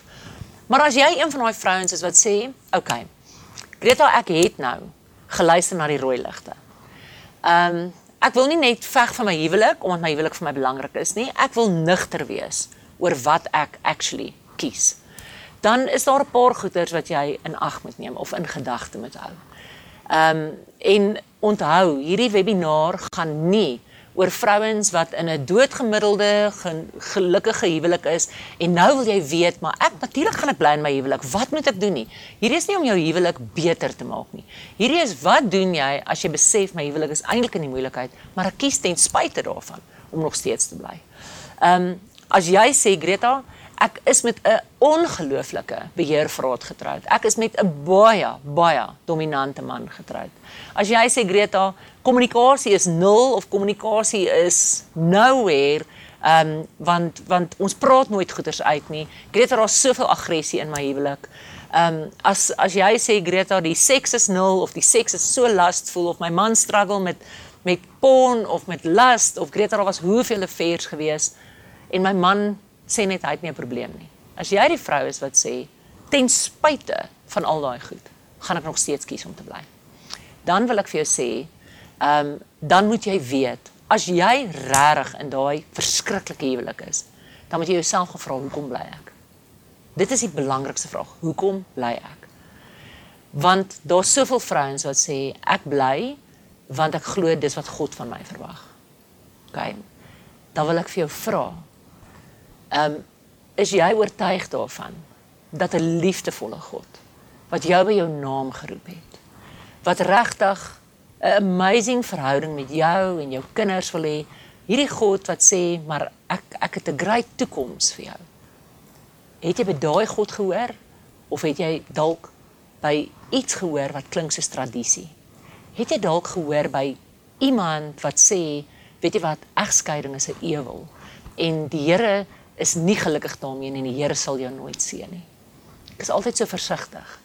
Ehm um, as ons as ons skrif vat, dit uit die Bybel uithaal, dit 'n dit 'n pretekst maak, maar ons vergeet wie is die outeur van al daai goed. So as jy besluit het om wel te bly ten spyte van haars rooi ligte, is dit vir jou 'n geestelike oortuiging. As dit is, dan wil ek vir jou sê ek glo met my hele hart dat die Here jou nog steeds kan eer en dat die Here jou nog steeds kan beskerm en dat sy planne vir jou nie ophou nie. Dit gaan baie gebed van jou verg. Want jy gaan die een wees wat sacrifice. Jy gaan die ene wees wat eintlik moet besef Greta, ek kry nie liefde of ek kry nie omgee, aanraking, aandag. Ek kry niks van daai goeders van my man af nie. So Greta, ek het besluit ongeag I will make God my husband man. En ek gaan in hierdie omstandighede bly, maar ek vertrou die Here regtig vir 'n wonderwerk. Jy mag dalk die vrou wees wat besluit, Greta, ek gaan bly want ek besef daar's ons goeders wat ek dalk kan doen wat kan bydra tot my man se verandering. So, as dit nie net vir jou geestelike ding is nie, as jy besluit daar's ander redes hoekom jy bly. Ja, is maar die ou storie van calculate cost want in enige een van hierdie verskriklike haarsgoeders wat ons nou oor gepraat het, betaal mense kinders die prys. En die hartseer is baie keer betaal mense nie hierdie prys terwyl jy nog jonk en beweeglik en al daai goeders is nie. Mense kyk op 'n dag terug in jou ou dag en dan kyk jy met spyt na jou lewe. Maar as jy daai koste bereken het, dan wil ek vir jou net ten minste sê, kry boundaries in jou lewe. Boundaries is 'n ongelooflike belangrike ding en daar's wonderlike, wonderlike um resources wat jy kan kan gaan lees, kan gaan deel word van en so meer om te leer om ten minste grense in plek te sit wat kom ek vat die voorbeeld. Sê nou maar jou man is regtig vir abusive en so meer. Om regtig vir jouself te beloof. Greta, ek het gekies om te bly. Maar as ek sien, hiersoos drank by my man betrokke en dit maak hom aggressief en so meer. Greta, dan kies ek daai aand om nie in my man se kamer te slaap nie. Greta, ek kies om daai aand my kinders by my ma te laat bly. Greta, ek kies om 'n boundary te hê want ek weet exactly wat eintlik kom. Mense om om 'n boundary dalk te gaan leer ken saam met 'n terapeut van jou eie. Jou man wil dalk nie gaan vir hulp nie, maar jy kan hulp kry. Jy het nou gekies om te bly. So een van die belangrikste gaan goeders gaan wees om jou menswaardigheid te behou en aan te hou glo in wie jy is en aan te hou werk aan wie jy kan wees. So om nie net die koste te calculate en nie net om lukrake boundaries in plek te sit nie, maar om regwaar te sê Greta, Ek het gekies om te bly, so ek wil myself verryk. Ek gaan begin om goeders by te woon. Ek gaan deel word van vrouens wat daar's ons baie baie gemeenskapsgroepe waar jy kan inskakel. Dalk 'n plek by jou kerk. Dalk kan jy gaan oplees oor vrouens wat geleer het hoe om in hierdie omstandighede dit nog steeds vir hulle self te maak werk. Maar ek het geleer dat baie vrouens wat kies om te bly, wat ook al jou rede is, finansies, jou kinders, geestelike rede, dat hulle die beste vaar as hulle ook die moeite doen om goed te wees vir hulle self. En ek praat nie van jy jy spandeer geld op jouself of weet wat jy gaan bietjie vir 'n naweek weg of jy kry vriende nie. Ek praat van dat jy kies om te gaan groei by iemand. So ek wil dan vir jou vra, gaan sien 'n terapeut, gaan sien 'n beraader, gaan sien iemand waar jy nie eens noodwendig hulp kry nie. Partykeer het jy net nodig om te wend. En ja, ek weet alle vrouens in moeilike omstandighede, nie alle vrouens nie, of meeste vrouens het iewers 'n vriendin wat vir hulle kan sê, "Ai, my vriendin, Ai, kom kuier maar vanaand by my. Ai, jong, weet wat môre gaan die lewe weer aan en so meer. So, jy het dalk 'n goeie vriendin, maar dit gaan jou regtig vir baie baat om iemand te kry buitekant jou vriendekring met wie jy kan gaan praat, want venting gaan vir jou baie belangrik wees om skoon te maak van dit wat jy eintlik besig is om te sacrifice. Dis die eerste ding. Die ander ding by 'n terapeut gaan jy dalk waardevolle waardevolle inligting en know-how en goeders van jouself ontdek. Want imagine nou jy's nou 'n vrou wat sê Greta my man is baie um, hy's verbaal baie destruktief teenoor my. Maar my kinders adore hom. So Greta ek gaan dit nie aan my kinders doen nie. Maar Greta hy breek my so af. Kan jy dink wat hulp en terapie dalk vir jou kan beteken? deurdat jy met iemand gaan praat en dat hulle net vir jou die leuen wat jy by jou man hoor oor hoe sleg jy is en hoe alles jou skuld is en al daai woorde wat hy vir jou sê hoe iemand jou kan help om net 'n ander perspektief te kry ek het gevind dat vrouens wat kies om te bly het regtig waar perspektief nodig en um, in partykeer is daai perspektief iets wat jy professioneel moet kry dan wil ek ook vir jou sê dat dit hang af van wat die omstandighede in jou huwelik is. Maar julle dit is belangrik dat jy sekere goeders in plek sal sit. Dat sou daar weer, en nou praat ek van regtig waar buitensporige goeders. Ehm um, sou daar goeders gebeur wat jou lewe bedreig, wat jou toekoms bedreig en so meer. Beloof my, jy gaan goed in plek sit. Kom ons vat 'n voorbeeld. Jy is dalk met 'n baie dominerende man getroud. Jy's met 'n man getroud wat jou geen insaag laat hê in die finansies en so meer nie. Beloof my, beloof jouself vandag omdat jy so baie werd is en omdat jy nie weet waar jy waar jy oor 10 jaar gaan wees nie. Dat jy ten minste finansiëel iewers vir jouself 'n buffer gaan inwerk of dat jy dalk net jou aan jou eie kredietwaardigheid gaan werk. Sodat sou dit wat jy nou voor kies om te veg, sou dit opgaan in vlamme. Dat jy nie eendag een van daai vrouens is wat sê, "Greta, ek stap hier uit met niks. Ek het vir 10, 20 jaar bly veg want ek het dit bly glo." beloof my dat jy wat probeer om nou die regte ding te doen, dat jy ook die regte ding vir jouself sal doen. So kry finansiële hulp, kry iemand wat jou kan help om iets op jou naam te kry, om dalk 'n klein rekeningkie oop te maak sodat jy kredietwaardigheid kan hê. Um vra vir jou man en bid regtig vir daaroor en vra vir die Here vir guns. Seks, die Here het regtig vir van Nehemia voor 'n broedel koning guns gegee. Baie dominerende koning. Het die Here 'n deur oopgemaak vra vir jou man basiese goeders dat jy dalk 'n kar op jou naam het dat dat jy dalk 'n beleggingkie vir jouself kan hê en ek weet vir vrouens wat ehm um, wat nie hierdie heen kom het nie klink dit soos baie groot goeders waarby jy nooit sal uitkom nie daar's kundige mense wat jou kan help beloof jouself jy gaan jouself beskerm dan die ander ding is as jy kies om te bly in 'n verhouding waar daar byvoorbeeld ehm um, kom ons sê daar soos aggressie en sulke tipe van goed. Maar jy kies om te bly.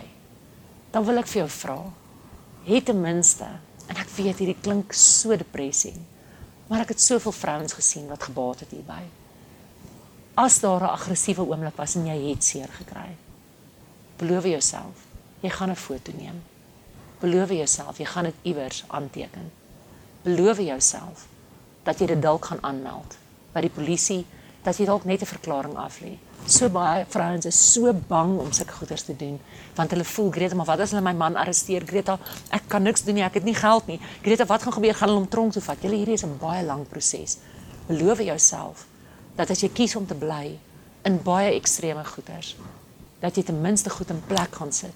Dat as dit die dag nie werk nie, dat daar iewers is wat praat namens jou. Dat daar iets is wat praat namens jou.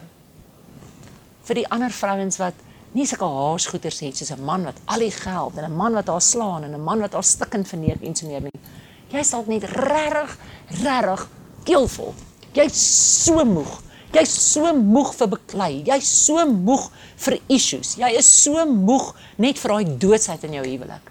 Ek wil vir jou sê, daar's baie hoop vir sulke huwelike. As daar nie sulke uitskieters is wat jy voel, Greta, my man het X, Y en Z en ek kan dit pinpoint nie. As dit net by jou 'n emosie van doodsheid is. As dit net 'n emosie is van hopeloosheid, kry hoop. Gaan woon iemand se naweek by, kry resources. Um word deel van 'n groep by jou kerk waar jy inskakel. Bederf jou man, bederf jouself. Reël weg weg gaan geleenthede vir jouself. En ek weet hierdie klink soos, "Ag, oh, Greta, regtig? Ek wil vir jou sê, ons was op 'n vakansie, dit het boggerol gehelp. Dan sê ek vandag vir jou, as jy net doodsheid ervaar, so huwelik het 'n baie groot kans om dit nog steeds te maak. Hoekom? Want daarso is nie psigopatologie nie. Daar's nie abuse nie. Daar's is nie een of ander karaktereienskap wat jou doodmaak nie. Dis net 'n huwelik wat in die moeilikheid is. Gaan sien jy dan die beradering kry tips. Gaan wees jy die vrou wat sê ek gaan regtig waar bidend wees voor die Here Ek gaan reg waar op my knieë begin veg vir hierdie huwelik. Julle die Here veg reg waar saam met ons en ek weet jy luister nou na my. Jy sê jy's Greta maar wat? Het jy nie hard genoeg gebid nie? Greta wat? Het die Here wou die Here jou huwelik nie gered het nie? Nee, wat ek vandag van kan getuig is dat ek sou wat wou gegee het om vir my kinders 'n legacy, legacy te gee en te sê ons huwelik het gewerk ten spyte van. Maar ek moes 'n nugter besluit neem en gesê het weet jy wat, op 'n dag, op 'n dag trek jy die prop uit en jy besef die Here gaan nog steeds vir jou bly veg daarna. So miskien sit jy en dink, Margreta, as ek genoeg vertrou, gaan die Here dalk my huwelik red. Ek het geleer dit werk nie so nie. Greta, as ek hard genoeg veg, dan gaan die dan gaan daar 'n wonderwerk gebeur. Dit werk nie so nie. Maar as jy 'n gewone huwelik het waar daar nie broedel goed is nie, pleit ek vandag by jou. Ek sê vandag vir jou, hou aan om te veg. Hou aan om te glo in die beauty van 'n huwelik. Julle die huwelik is so ongelooflik ontwerp. Kan jy dink hoe groot is die geskenk dat jy eendag saam met jou kinders en jou kleinkinders almal saam kan kuier om een groot tafel. So as jy gekies het om te bly vir die regte redes, well done. As jy een van die vrouens is wat die Here vertrou vir 'n deurbraak en vir 'n testimony, dan wil ek vir jou sê, as daar een vrou is wat saam met jou al die pad graag wil vertrou, dan is dit ek, want ek het die ander kant leer ken. Maar as jy 'n vrou is wat sê Greta, ek het gekies om te bly want ek voel is die regte ding.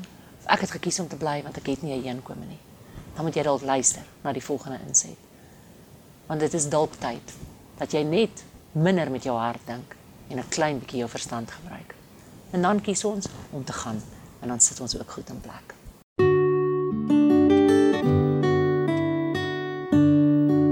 Oh, ek dink as ek oor hierdie onderwerp eintlik kan uitbrei. Woo, what stories I will have to tell. Verstaan?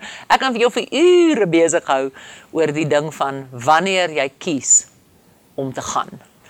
Ehm um, En ek wil dit net weer in konteks sê dat jy dit net regtig regtig weer moet hoor.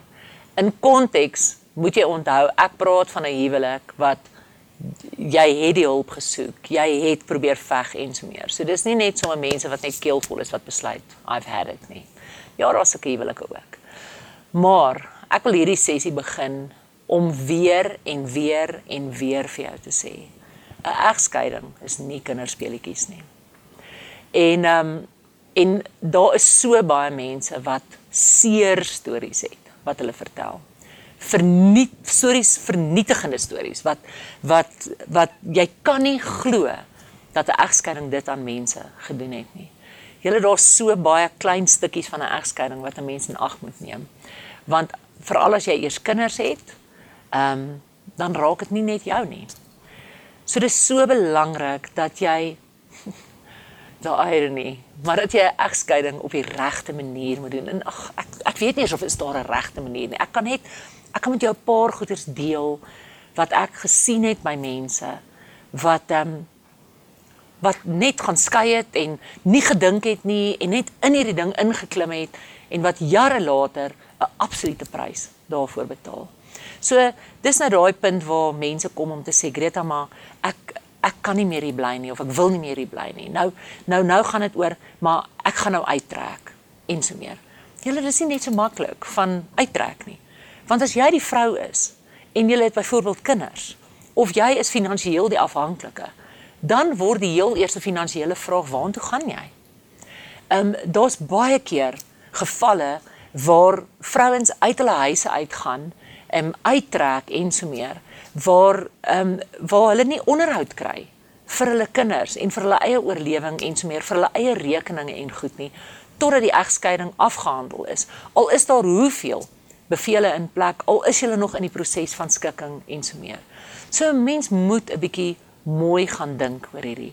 Ek kry baie mense wat sê Greta, ek is op pad om te skei. Ek of Greta, ek gaan nie meer in hierdie huwelik bly nie. So wat ek nou gaan doen vir 'n tyd lank, gaan ek in my spaarkamer bly. Ek gaan nie meer op dieselfde bed slaap nie. As jy daai roete sou wou gaan, wil ek vandag vir jou sê, dit word vir baie couples 'n gerieflike oplossing. Dit word vir baie couples 'n gerieflike dubbellewe want ek het nou die beste van beide wêrelde. My kinders gaan nie deur te veel pyn nie. Ehm um, want mamma en pappa is nog albei in die huis. Finansiëel lei niemand te erg skade nie want albei het nog die huishouding en ons eet darm nog uit dieselfde koskas uit en so meer. Dit is nie daai wat jy mense verontrief om na 'n nuwe huis toe te skuif, daai trauma en goeters nie. Maar vir baie couples word dit 'n ding van Greta, ons is al vir jare van tafel en bed geskei. So jy moet net besef dat as jy besluit dat die slaapkamer skeiding roete vir jou jou roete is, daar is 'n baie harde prys wat mense nog steeds daarvoor betaal. Moenie besluit om in aparte kamers te te gaan bly vir 'n tyd lank terwyl jy eintlik in jou hart besluit het ek kan nie meer in hierdie huwelik wees nie.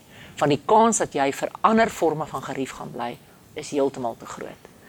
Dan is dit belangrik in hierdie is 'n bietjie 'n harsh ding, maar dis so belangrik dat dat jy jouself sal beveilig op verskillende maniere as jy sou besluit om te gaan. En ek praat nou met verskillende mense mos nou. Ek weet nie wat is jou storie nie. As jy byvoorbeeld uit 'n baie abusive huis uitkom en jy sê Greta, ek vat my my kinders regtig voor nou uit hierdie huwelik uit na 'n plek van veiligheid toe.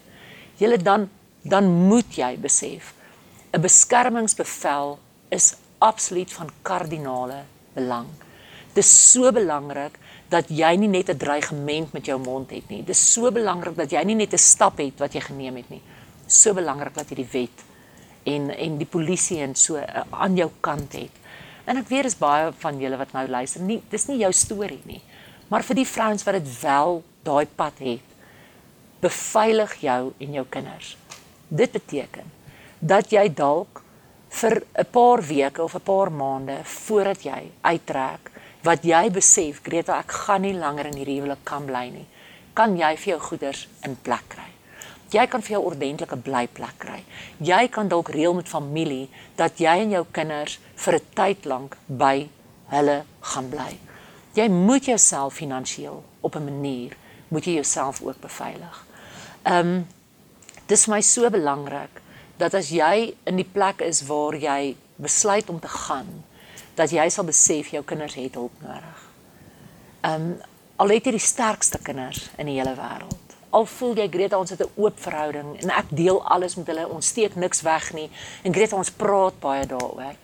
Onthou net mamma, as jou kinders met jou praat, daar's 'n deel van hulle wat in 'n tweestryd is. Want as hulle uit hulle huis uit gevat word en dis byvoorbeeld nou nie vir goeders waar hulle ook moet veilig wees nie. Dis net mamma en pappa het hierdie 'n verpad gestap of het hierdie verstaan wat ook al jou rede is. Kinders verstaan nie die groter prentjie nie. En daai man bly hulle pa. En kinders beleef geweldige um turmoil in hulle self want hulle wil graag daar wees vir mamma. Maar hulle mis vir pappa ook. En jy as mamma dink dalk, maar hoe kan hulle hom mis? Hy's 'n monster. Hulle het hom nie altyd so beleef nie. En daar's 'n ongelooflike stuk sekuriteit vir kinders as hulle in die aand by die huis kom en die monster is by die huis. Al kan ons dit nie verstaan nie. So ouers, eh, eh, ag mamas, dit dit is so belangrik en ek praat nou letterlik net vir 'n sekond met die mamas dat jy vir jou kind sal hulp kry en moet hulle nie net vir een keer na iemand toe vat nie. Maak seker hulle gaan een of twee of drie keer na iemand toe. Want die eerste keer praat hulle dalk net bo langs, maar hulle het nog nie self deur daai diep emosie gewerk nie. En dit is belangrik dat jy ook sal gaan hulp kry. As jy besluit om te gaan, you need to reinvent yourself. Jy moet vind wie is jy? Jy moet deur jou seer werk. Julle egskeiding is geweldig traumaties. Die simpelste goeder soos ek het ek het geleer om lief te word vir daai sitkamerbank. Greta, ek onthou waar ons was toe ons daai sitkamerstel gekoop het. En nou moet ek daai stel los. Daai hele ding van weet jy wat hy hou die TV en jy gaan na jou kinders toe nou het hulle nie meer 'n TV om te kyk nie. In vandag se tyd kry ek hoeveel vrouens wat hulle trek uit en hulle gaan bly tydelik in 'n plek en dan dan dan loop hulle self vas in kinders wat geweldige rebellie beleef want daar skielik by die nuwe plek is daar nie wifi nie. Verstaan? Dis goed wat ons nie kan calculate voor die tyd nie. En daarom is dit baie belangrik dat jy sal besef jy is getraumatiseer. Al voel jy, Greta, ek voel vry. Ek voel vir die eerste keer ek sien weer kans vir die lewe. Jy bly 'n getraumatiseerde vrou want jy het baie goed prys gegee. Jy het 'n droomprys gegee. Jy het nie die dag getrou met die hoop om op hierdie plek te wees nie. So you have been brutalized in more ways than you can really, really realize. So doen jouself die guns en gaan sien iemand. Dan kry ek so baie mense wat vir my sê, Greta, ek het nie die geld vir 'n prokureur nie. So Greta, ons moet nou maar, ek weet nie, ek gaan nou maar net uittrek en ons sal op 'n dag skei. Julle dit het sy eie verrykende gevolge.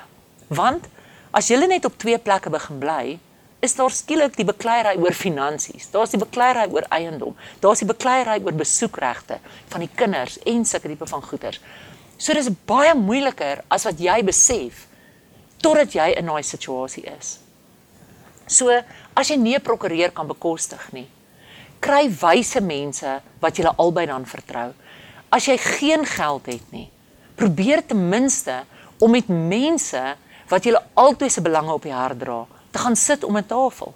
Ehm um, en dit is regtig vir mense wat geen ander heenkome het nie. Maar moenie die vrou wees wat sê, "Wel Greta, ek is al vir die afgelope 10 jaar bly ek nie eens meer by my man nie, maar ons is nog steeds nie geskei nie." Want wat is die volgende vraag wat jy jouself gaan vra? Jy is nie geskei nie. So wanneer kan jou lewe weer hervat? Wanneer begin jy weer date? Wat is jy nou in die oë van die wêreld? Is dit reg waar 'n wetlike term as jy sê I'm separated? Hoe sien God dit? Jy word gekonfronteer met so baie vrae. Jy het 'n voorbeeld na jou kinders toe wat jy moet leef. Want nou is jy nie geskei nie, maar jy wil saam met 'n man gaan koffie drink. So môre kan jy nie voor jou kinders staan en sê there's a godly way of doing stuff. So daar's baie meer waarom mens kan redeneer as sommer net ek het besluit om te gaan en ek het nie die geld om te skei nie. Oorweeg dalk om iemand te gaan sien soos 'n mediator. Um dis 'n dis 'n baie vriendeliker proses, maar dit is nog steeds 'n wetlike proses. As jy as jy met 'n goeie verwysing by 'n goeie mediator kan opeindig. En julle dis nie die beste as die as die mediator vriende is of familie is nie, want jy wil eintlik 'n onpartydige party hê. Maar baie mense wat nie complicated goeders het in hulle egskeiding soos besighede op wie se name is wat. Ehm um, daar was wetlike goeders wat baie moeilik is nie. Doen 'n mediator hulle die wêreld se goed. En dan dan is dit makliker om te skik. Dis makliker om by daai proses uit te kom van egskeiding. As jy in 'n huwelik is waar goeders reg waar complicated is en was, dan wil ek weer eens vir jou amper pleit. Kry ordentlike raad by 'n goeie prokureur. Gaan dit jou geld kos? Ja, dit gaan jou geld kos. Is dit die moeite werd? Deur en deur. Julle egskeiding is so 'n emosionele ding dat ons baie keer so overwhelmed is dat ons nie weet wat is die beste. Ons wil dit net afhandel. Ons wil net die kinders se seer makliker maak. Ek wil net aanbeweeg met my lewe. Maar oor 10 jaar van nou af gaan jy die prys betaal en gaan jy leef met waarvoor jy geteken het. So baie, baie mense sê Greta, ek gee nie om nie. Al stap ek hier uit met niks. Ek wil net hier uitkom. Probeer ten minste om net vir 'n oomblik te kyk, maar watse regte het jy? En hoe kan jy hier uitstap so heel as moontlik met soveel as moontlik waarvoor jy ook gewerk het? En ek praat nie nou net van eiendom nie. Ek praat van jou menswees ook. Julle om by daai punt te kom wat jy sê, moet ek bly, moet ek gaan? en so meer. Dis 'n dis 'n ding wat ek vandag net vir jou wil sê omdat wanneer jy gaan so moeilik is wil ek vir jou vra bid baie daaroor. Maak toe jou kamer deur. Huil vir die Here. Huil oor jou trauma. Huil oor jou verliese. Maak die Here jou vriend op hierdie journey. Dit is great om 'n beraader te hê. Dit is fantasties om 'n vriendin te hê. Maar op die einde van die dag is daar net een geneesheer. Ek het regtig waar op my pad het ek besef hoeveel waarde dit het dat ek goeie raad gekry het dat ek weet wat die wet sê dat ek besef het wat ek werd is dat ek hulp gekry het vir my kinders en dat ek besef het dat dit wat ek vandag mee worstel ek na die Here toe kan vat om te gaan is 'n groot besluit. Dis 'n lewensveranderende besluit. Dit verander jou titel. Jy kom skielik in 'n plek waar jy 'n vorm moet invul. En dit is elke keer seer. As jy daai woordjie moet tik, divorce, is elke keer seer.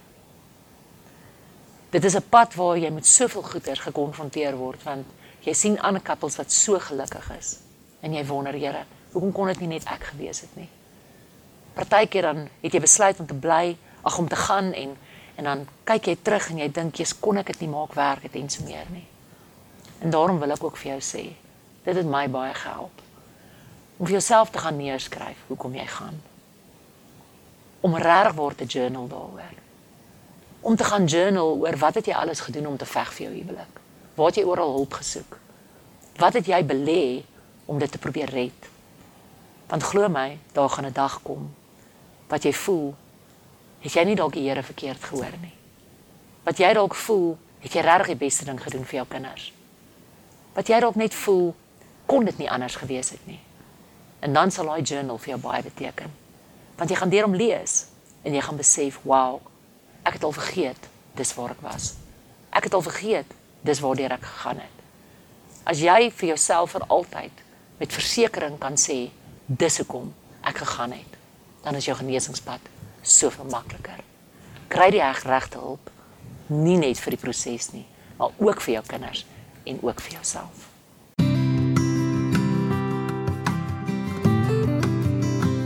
Let us get down to business vir al die vrouens wat nou in die posisie is waar hulle sê maar ek is nou klaar geskei. Greta, wat nou? Well, bear in mind ek is nog nie heeltemal klaar geskei nie maar ehm um, op papier nie. Maar dis ehm um, dis nogal iets van reinvention waar jy regtig waar 'n kop skuif moet maak en so meer. So die heel eerste ding wat jy vandag moet hoor is toe jy getroud was, was dit nie wie jy was nie. Dis net 'n verhouding waarin jy is. Om 'n geskeide vrou te wees bepaal nie jou identiteit nie. En ek dink dit is een van die grootste goeters waarmee vrouens struggle as hulle uit 'n huwelik uit is en geskei is en so meer dat hulle dit amper dra soos 'n martel baadjie en weet jy wat ek is minder werd en ehm um, ek is geklad, I'm scarred for life en so meer. Nee, daarso is lewe na egskeiding. Daar's regtig waar lewe na egskeiding. Maar dit beteken jy moet baie hard werk daaraan om emosioneel weer te vind wie jy is om geestelik regtig waar te besef, maar die Here ken nog steeds jou naam. Hy het jou nie verdoem nie, hy het jou nie weggegooi nie. Jy's nie hierdie aardsondaar want weet jy wat, jy is nou daai een skriffie wat gesê het egskeiding, weet wat die Here kan net nooit weer met liefde na jou kyk nie. En um, en weet jy wat fisies gaan jy leer ken dat jy sterker is as wat jy besef het. En ek praat nie net van emosioneel nie. So, 'n paar goeters wat ek dalk vandag met jou kan deel. Uit my journey uit, uit vrouens uit met wie ek 'n pad gestap het al vir jare lank voordat ek my paadjie begin stap het, is dat ek het soveel keer vrouens op my kampe gekry wat sê Greta, ehm, um, dan sê ek as 'n vrouekamp. Verstaan, dan sê hulle Greta maar kan geskeide vrouens ook kom. Dan sê dit dis 'n vroue naweek. Daar's 'n wêreld daar buite waar jy nog steeds deel van is. Daar's 'n wêreld daar buite waar jy nog steeds kan leef. En ek het agtergekom dis iets wat geskeide vrouens baie keer doen. Is hulle isoleer hulle self. Hulle voel ongemaklik daarmee om tussen vriende en mense te gaan kuier wat ehm um, jy weet wat wat getroud is want hulle kom daarso aan dit was my praktiese dilemma laat ek net vir julle sê. Nou kom ek al vir die eerste keer by 'n braai aan nê nou nou het ek my vleisie gevat. Nou is die groot vraag braai ek nou self my vleis? Staan ek nou tussen die mans en braai? Vra ek vir 'n getroude man om my vleis te braai? Daag ek nou maar op met 'n steersburger sodat ek nie hoef te braai nie? Dit was my Jenny nogal 'n dilemma daai om in te stap in 'n plek in en te sê, "Haai, hier is my vleisie. Ek gee nie om om te braai nie. Ek kan braai." Ehm, um, maar gee om om dalk net my vleis saam met julle sinne op te sit en so meer. Dit dit is sulke praktiese goeders wat ek agtergekom het. Vrouens isoleer hulle self. Dis later vir hulle maklik om nie meer na sulke plekke toe te gaan nie. Ek het agtergekom dat vrouens baie keer as hulle die geskeide roete gestap het en so meer, dat hulle hulle vriende, ehm um, hulle hulle vriendekring verander heeltemal. Dat dat geskeide vrouens kuier dikwels saam met geskeide vrouens. Ek sê nie dis verkeerd nie, want jy ook genuen great geskeide vriendinne. Ek sê vandag vir jou dat dit potensieel gevaarlik kan wees as jy nie seker is dat jou vriendinne wat saam met jou kuier, wat ook geskei is, gesonde vriendinne is wat die Here ken en wat regtig waar nog steeds glo in die huwelik. Julle daar's baie mense wat geskei is wat verdoemend praat oor huwelike. Daar's baie mense wat struggle met 'n innerlike jaloesie en wat later leef met 'n verdoemende, weet jy wat, elke huwelik gaan eintlik daar eindig. So hulle leef met 'n stuk verbittering. So jy moet prakties verstaan, dis baie riskant om net tussen geskeide mense te kuier. Ehm um, as hulle nie die klang is wat ook genesing kies nie. So luister 'n bietjie hoe hulle praat. Want ehm um, dis 'n baie slegte ding Dit sal vir jou 'n baie slegte ding wees end uit. As jy in kringe begin kuier waar vrouens 'n mokkery begin maak van mans. Waar vrouens net eintlik die stories deel oor hoe verskriklik pateties hulle mans was of hoe ehm um, hoe alle mans altyd dieselfde is en hoe jy niks meer van 'n man kan verwag en so meer nie. That's not godly character. So ehm um, jou vriendinne en die mense saam wie jy gaan kuier gaan 'n emosionele geweldige bydrae hê tot jou genesingspad. Ja, jy kan baie wysheid kry by geskeide mense. Jy kan baie praktiese raad kry by mense wat reeds hierdie pad gestap het. Maar jy kan emosioneel ook baie seer kry en eintlik op die eind op so verbitterde plek opeindig dat jy nie eers meer kan sien vir liefde nie. Ek het geleer dat ehm um, dat vrouens eintlik nogal cool goed is, hoor. Ons kan kinders help met take. Ons kan kos maak. Ons kan knope aanwerk. Ons kan emosioneel daar wees vir ons kinders. En ek dink baie geskeide vrouens kom agter, hulle is cooler as dit. Hulle kan braai. Hulle kan boer. Ek kan al daai gedoen, ek kan nog net nie weld nie. Verstaan? Ek gaan myself nog leer weld, nê? Nee? Daarvoor het ek seker 'n welder nodig. Ek dink nie ek het die welder nie. Nee, ek dink die welder is gevat. Ek weet nie as jy raad het oor 'n welder. Verstaan, goedkoop welders, laat weet my. Nee, dis net 'n grappie. Ek het agtergekom Dit leer jou eintlik so baie van jouself. Ek onthou die eerste keer toe ek um choppies gebraai het vir my kinders. Oh my hat, ek was so gespanne geweest op 'n weird manier. Dit was so 'n bevrydende oomblik. Ek gaan nou die chops en ek gaan die hout pak en skielik te besef ek ek is nie heeltemal seker hoe lank charcoal moet brand voordat dit reg is nie. Ek is nie seker hoe hoog my hand moet wees sodat die kolle reg is dat ek al actually kan begin braai nie. Toe kom ek agter ek is nie heeltemal seker nie.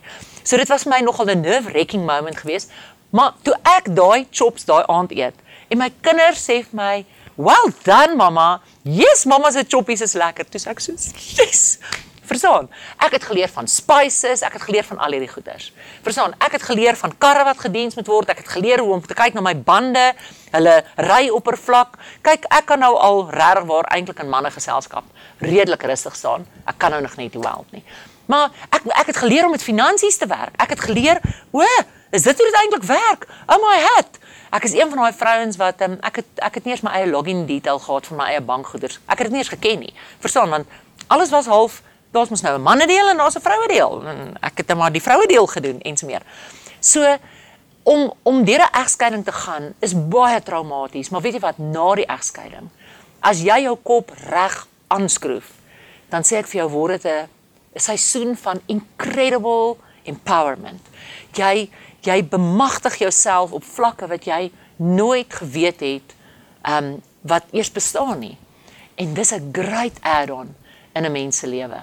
So my praktiese raad vir jou as geskeide vrou fisies is moenie bang wees om goeters te probeer nie. Moenie bang wees om om daai chops te braai nie. Moenie bang wees om die boor te vat en iets in te boor nie. Moenie altyd die handyman vra nie. Moenie altyd iemand bel en dit outsource nie tensy jy nou reg word weet jy gaan jou huis opblaas of jy gaan jou vingers afbrand. Maar moenie altyd iemand bel nie. Empower yourself. Ehm um, want sou die Here jou bless met 'n tweede liefde, met 'n volgende ronde, met 'n mooi nuwe seisoen, dan wil jy daar instap as 'n vrou wat weet wie jy is. Jy wil capable wees. Want dit sien ek baie keer by geskeide vrouens, is dat hulle bly afhanklik Hulle bly op 'n plek waar hulle voel, maar ek weet nie om sekere goeders te doen nie. En in plaas daarvan dat hulle bietjie Google en 'n YouTube video kyk om dit te kan doen, in plaas daarvan dat hulle hulle broers of hulle hulle swaars of iemand wat hulle ken bel en sê, "Hey, so, wat is die verskil tussen 'n ramp en 'n chop?" Verstaan? Hoe braai mens die ding en hoe braai mens hom nie? Um in plaas daarvan dat jy groei as mens, het ek gesien baie geskeide vrouens raak te vinnig betrokke in 'n nuwe verhouding, want jy's eintlik afhanklik jy's eintlik hulpeloos. So jy soek iemand wat daai goeders vir jou kan doen. Hey girl, don't allow that.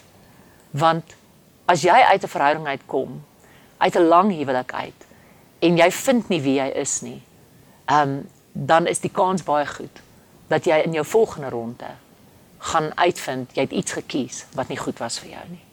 Moenie te lank vat om hierdie bemagtigingsproses te begin nie wie be very practical about it. Daar's is daar's is regwaar cool how to goeders op die internet hoor. Regtig. En ehm um, en dan as jy fout maak en jou duim raak slaan as jy 'n spyker inslaan, niemand sien dit nie. Verstaan jy dra 'n pleistertjie op jou vinger en in oor 'n week dan lag jy daaroor. So ehm um, ek dink net vir geskeide vrouens is dit iets wat ons ook vir ons kinders kan leer. Dat wanneer die lewe vir jou 'n paar snotklappe gee, ehm um, dan dan kan jy iets moois daai uitmaak. So moenie daai flaws en daai daai daai vrese en goeters van jou van jouself moet dit nie wegsteek vir jou kinders nie. As jy sê ek sê vir julle, nê, nee, want dit is wat ek gedoen het. Ek het sommer luister, mamma gaan nou 'n spyker inslaan. Kom staan, kom kyk. Hallo? Bid. Verstaan? Mamma gaan nou hierdie ding doen, nê? Nee? En dit was 'n great ehm um, dit dit was amper empowering vir my kinders gewees om dat hulle voel ons lê nie. Ons hoor nie altyd mamma weet nou nie hoe nie. Ons is nie uitgelewer nie. Ons ons is sterk. Ons kan hierdie ding doen. So dis 'n incredible legacy wat jy ook vir jou kinders gee. En dan ehm um, emosioneel wil ek vandag vir jou 'n woord van waarskuwing gee en ek het nou so vinnig daaraan geraak van jou dating wêreld en so meer. Ek glo en dis 'n dis 'n Greta Wit opinie, jy mag dalk heeltemal van my verskil. En daar is hier en daar verskille of of, of verhale wat wat nie hierdie ding bewys nie, maar die meerderheid van mense gaan met my saamstem en nie omdat hulle by my plek van die journey is nie, omdat hulle 10 jaar verder in die journey is. En dit is moenie te vinnig begin date nie. Julle een van die grootste goeters wat jy moet leer om te oorkom as 'n geskeide vrou is alleenheid. Ehm um, want dit is dis sleg. Dis sleg om daar in jou kamer te lê en jy het niemand vir wie jy nag sê nie.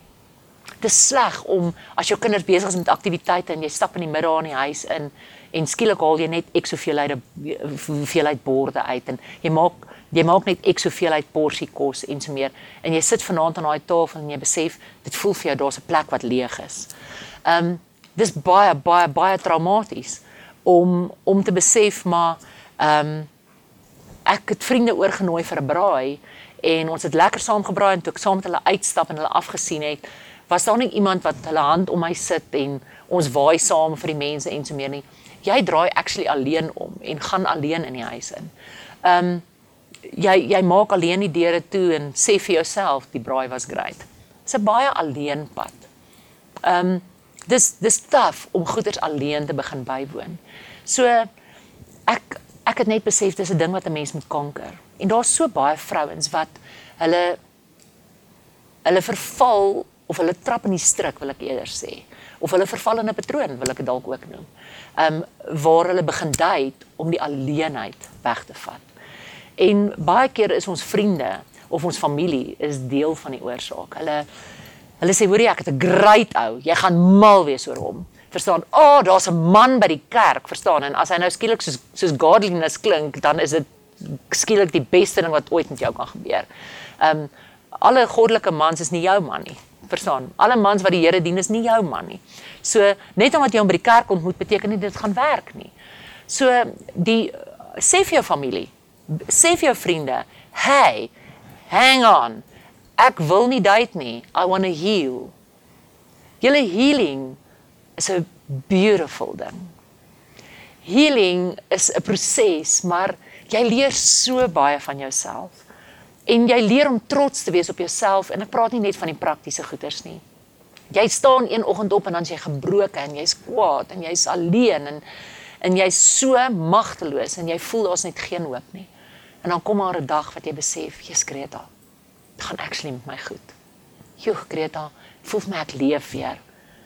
En ek wil vir jou sê, gun jouself dit. Gun jouself daai genesingspad. So moenie te vinnig begin date nie. Iets wat ek nogal baie teekom by vrouens, Christen vrouens, wat vir my sê, "Wel Greta, weet jy wat? Ek het nou hierdie ou ontmoet, ek het hierdie man ontmoet en ons begin nou te kuier en hy is nou nogal ernstig en alles en dan staan jy met die seksvraag.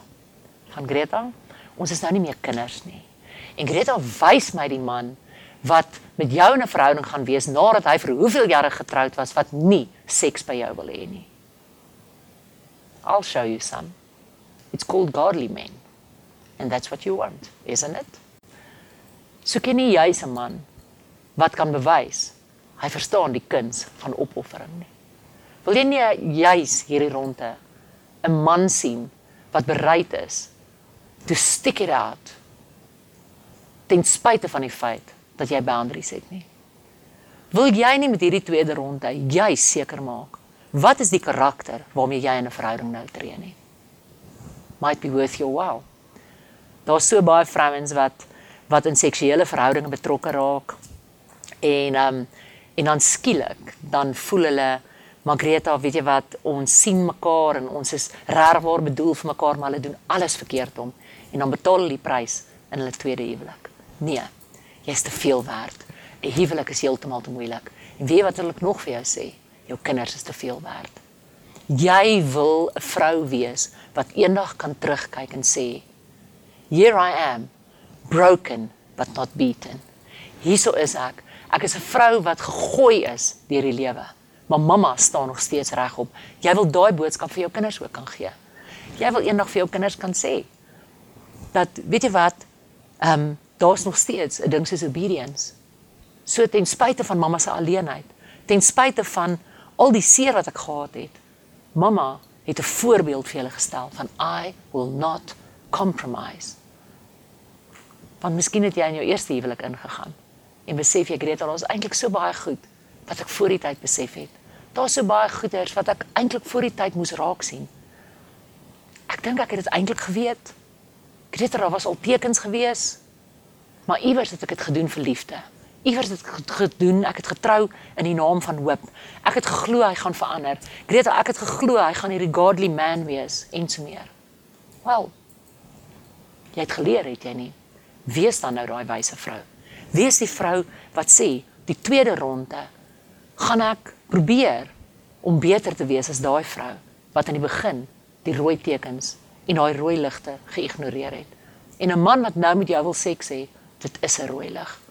Want wat is seks anders in 'n verhouding as jy nie getroud is nie? 'n Man wat sê, weet jy wat, as ek nie dit by jou kan kry nie, dan is hierdie verhouding nie moeite werd nie. Wat sê dit eintlik? Dit sê al daai karaktereienskappe van die man wat ons eintlik in die begin bespreek het met al daai rooi ligte. Dit sê iets van karakter. En veral as jy bietjie ouer is, dan wil jy mos nie weer dom foute maak nie. As jy iemand is wat geskei is en jy raak betrokke in 'n verhouding, dan wil ek vir jou sê, gaan gaan sien iemand oor die ek wil amper sê die proses rondom jou kinders. Want dis vir kinders se aanpassing. So baie mense vra, Greta, moet ek vir my kinders toestemming vra om te begin date? En jy sit dalk nou en jy dink, ek gaan nie vir my kinders toestemming vra nie. Greta, dit bly my lewe. Hulle gaan een van die dae uit die huis uit, dan sit ek hier stoksiel alleen. Ek dink daar's iets spesiaals daarin om met jou kinders daai gesprek te hê en te sê julle, weet julle wat? Voel julle voel julle mamma is gereed om dalk iemand nuuts te leer ken. Voel julle julle is gereed daarvoor. Kan ons seker maak of is ons almal gereed? Kom ons almal gaan sien iemand. En ons sit net ons harte op die tafel. Want weet julle mamma wil vir julle sê, julle is nog steeds vir my belangriker as enige liefde wat ek ooit kan ontmoet. Hoekom sê ek hierdie goeie? Want julle as jy 'n vrou is wat wat kinders het, dan kan jy dalk vir altyd probeer redeneer dat dit is jou huwelik, dit het niks met jou kinders te doen nie. Dit het alles met jou kinders te doen. Want dit word hulle stiefpa. Jy word potensieel iemand se stiefma. Jy kry 'n nuwe skoonma, 'n nuwe skoonpa. Jy kry 'n nuwe swaar 'n nuwe skoonsussie. Jy kry 'n hele nuwe familiestruktuur, maar dit impakteer jou kinders. So prakties dink ek is dit as jy reeds geskei is, so worth your while as jy weer begin date, dat jy net oop kaarte sal speel met jou kinders. Die feit dat vrouens te vinnig begin date nadat hulle deur 'n egskeiding is, is vir kinders ongelooflik verwarrend. Ongelooflik. Want hier is hierdie oom, ons moet hom nou ontmoet. Wie is hierdie oom? Wat is hierdie oom? Wat soek hy by my ma? Moet ons moet ons hom nou aanvaar? Moet ons maak asof ons hom van hom ons van hom hou? Want miskien as ons ongeskik is, dan gaan hy weggaan en en en dan gaan my ma se hart weer gebreek wees. Ons moenie onderskat hoe kinders eintlik hulle self compromise om mans uit jou lewe uit te probeer hou nie en aan die ander kant probeer hulle ook om jou te beskerm ten alle koste want hulle wil net hê jy moet nie meer seer hê nie jy moet net gelukkig wees. So jou kinders is 'n faktor as jy reeds geskei is. As jy reeds geskei is, wil ek vir jou sê, dink ek dis 'n jolly goeie idee as jy gaan sit en dink, wat het ek iewers langs die pad verloor? Watse goeders het ek prysgegee. Kyk jy toe jy 'n jong meisie was, was jy verskriklik lief vir dans, maar jou man was nie 'n danser nie. Kry 'n gesonde vriendekring en gaan uit en gaan dans. Versigtig. Dans rustig. Maak toe jou titties. Baie goeie idee. Verstaan? Gaan saam met jou vriende huis toe, nie saam met die man nie. Drink net sap dan nie, nie gin nie. Verstaan jy? Want dan gaan jy jouself compromise. Want jy sien daai dans gaan vir jou net so lekker wees. So, dalk het jy as jong jong meisie, het jy selfs op skool het jy nog altyd jy jy het gehou van kuns, jy het gehou van kreatiewe goeders. Maar weet jy wat iewers in jou lewe het die lewe so gejaag geraak, jy het, jy het so absoluut net geleef vir jou gesin dat jy toe nooit weer geverf het nie. Of jy wou nog altyd pottery gaan doen het. Of weet jy wat, jy wou nog altyd 'n sekere skill aangeleer het, maar maar daar was net nooit die tyd nie. Jy het geleer het om gitaar te speel for that matter. Of weet jy wat, jy was nog altyd eintlik 'n vrou wat wou leer. Jy wou wou leer ken het, maar wat word is jou liggaam in staat? Jy wou gaan gym het en jy wou bietjie gewerk het fisies aan jouself. Now is that time. So die die pad na egskeiding, ehm um, kan jy prakties gebruik om nie te reinvent nie. Ehm um, want dit is nie iets wat jy wat wat wat net skep nie. Jy kan totaal nuwe goeders van jouself leer ken. So wees daai crazy vrou wat crazy goeders begin doen. Dit vat die alleenheid weg. Dit leer jou ongelooflik baie van jouself en jy ontdek dalk 'n passie en 'n liefde vir iets wat jy nie eens geweet het bestaan nie.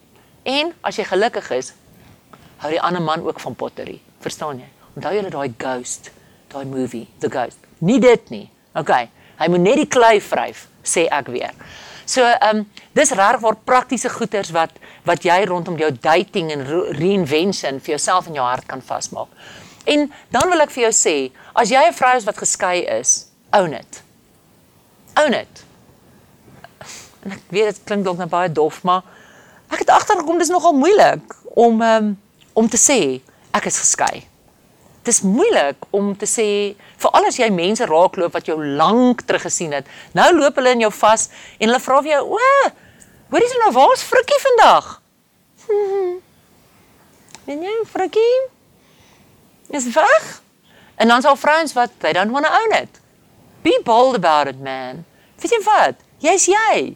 En jy mag jy wees. En jy embrace hierdie nuwe seisoen in jou lewe. So jy sê, "O, weet jy wat? Nee, ek en Frikkie is nie meer by mekaar nie." En dan sit nie soos ja, want wie nee, jy word nie dit word nie martel Martha nie. Jy jy doen nie daai goeters nie. Dit sê nie ek en verkeers nie by mekaar nie. En dis hoe dit is. En dan gaan jy aan and you own it and you are strong. Um en dit is nie altyd maklik nie. Ek het nou eendag wil ek net vir julle sê dat ek um, het ek by 'n het ek by 'n dokter se spreekkamer ingestap en hulle het so dingetjie wat hulle jy moet dit mos nou tik. So dis hoekom ek nou 'n paar keer vandag daaroor gepraat het want ek bedoel dit was net vir my so prakties in my lewe. Daar's nou die blokkie waar jy sê single of married of divorced. But I'm not divorced yet. I'm separated. En toe dink ek ek's baie snaaks, want toe trek ek die kruisie tussen die twee blokkies. Toe trek ek hom so tussen married en divorced. Verstaan? En toe kom vir die ontvangsdame gee, toe sê ek ek dink jy 'n korte blokkie. Verstaan? As jy die vorm wil aanpas. Verstaan? Maar toe lag ek net daar en sy lag daaroor. But it's owning who you are. Weet jy, ek ek dink die vyand steel so baie emosioneel van ons identiteit omdat ons bang is dat ons veroordeel gaan word. Ons is bang dat mense um, anders na ons gaan kyk. Ek wil vandag vir jou sê dis oukei. Okay. Dis oukei okay as hulle anders na jou kyk. Jy is anders. Jy's wys. Jy's potensieel wyser as baie ander vrouens wat gebly het ter wille van finansies, ter wille van van die kinders en so meer. Jy's sterk. Jy het daai tree geneem. Jy het actually jou kinders gaan beveilig. Jy het 'n lyn getrek en gesê ek is meer werd as hierdie. Miskien is jy die vrou wat nou na my luister en jy sê Greta, my man het my gelos. Ek wou nie skei nie. Ek was mal oor my man.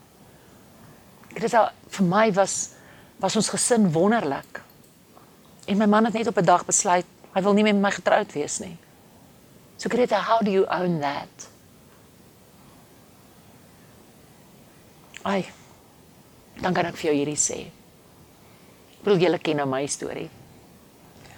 Ek het eendag het ek gelees wat mense op sosiale media in kommentaar skryf en ehm um, hulle het my nogal uitmekaar uitgehaal want dis bietjie weird as jy huweliks ministerie het, maar jy gaan deur 'n egskeiding.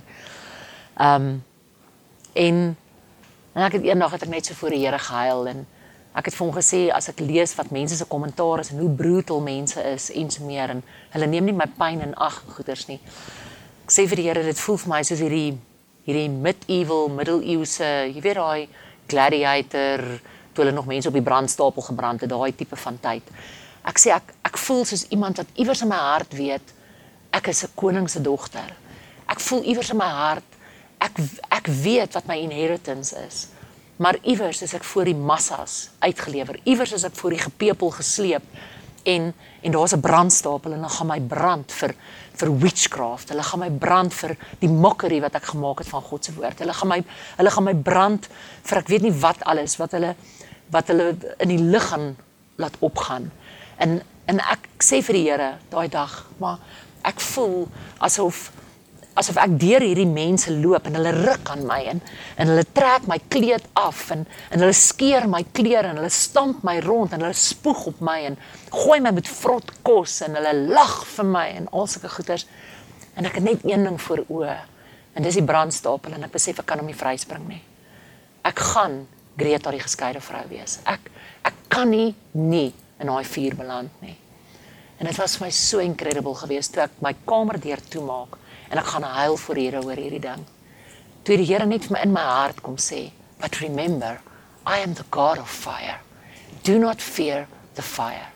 En die Here is so getrou want daai middag toe kom my dogter van die skool af terug. En sy sê vir my, "Mamma, ek het vir mamma 'n woord." En sy weet niks van daai dag wat ek so voor die Here gelê het nie. En sy sê vir my, "Die Here sê, He will give you beauty from your ashes." En in dit het ek besef, as jy geskei is, jy betaal 'n prys. Dis 'n helse pad. Maar die Here vat daai as en hy bou iets moois.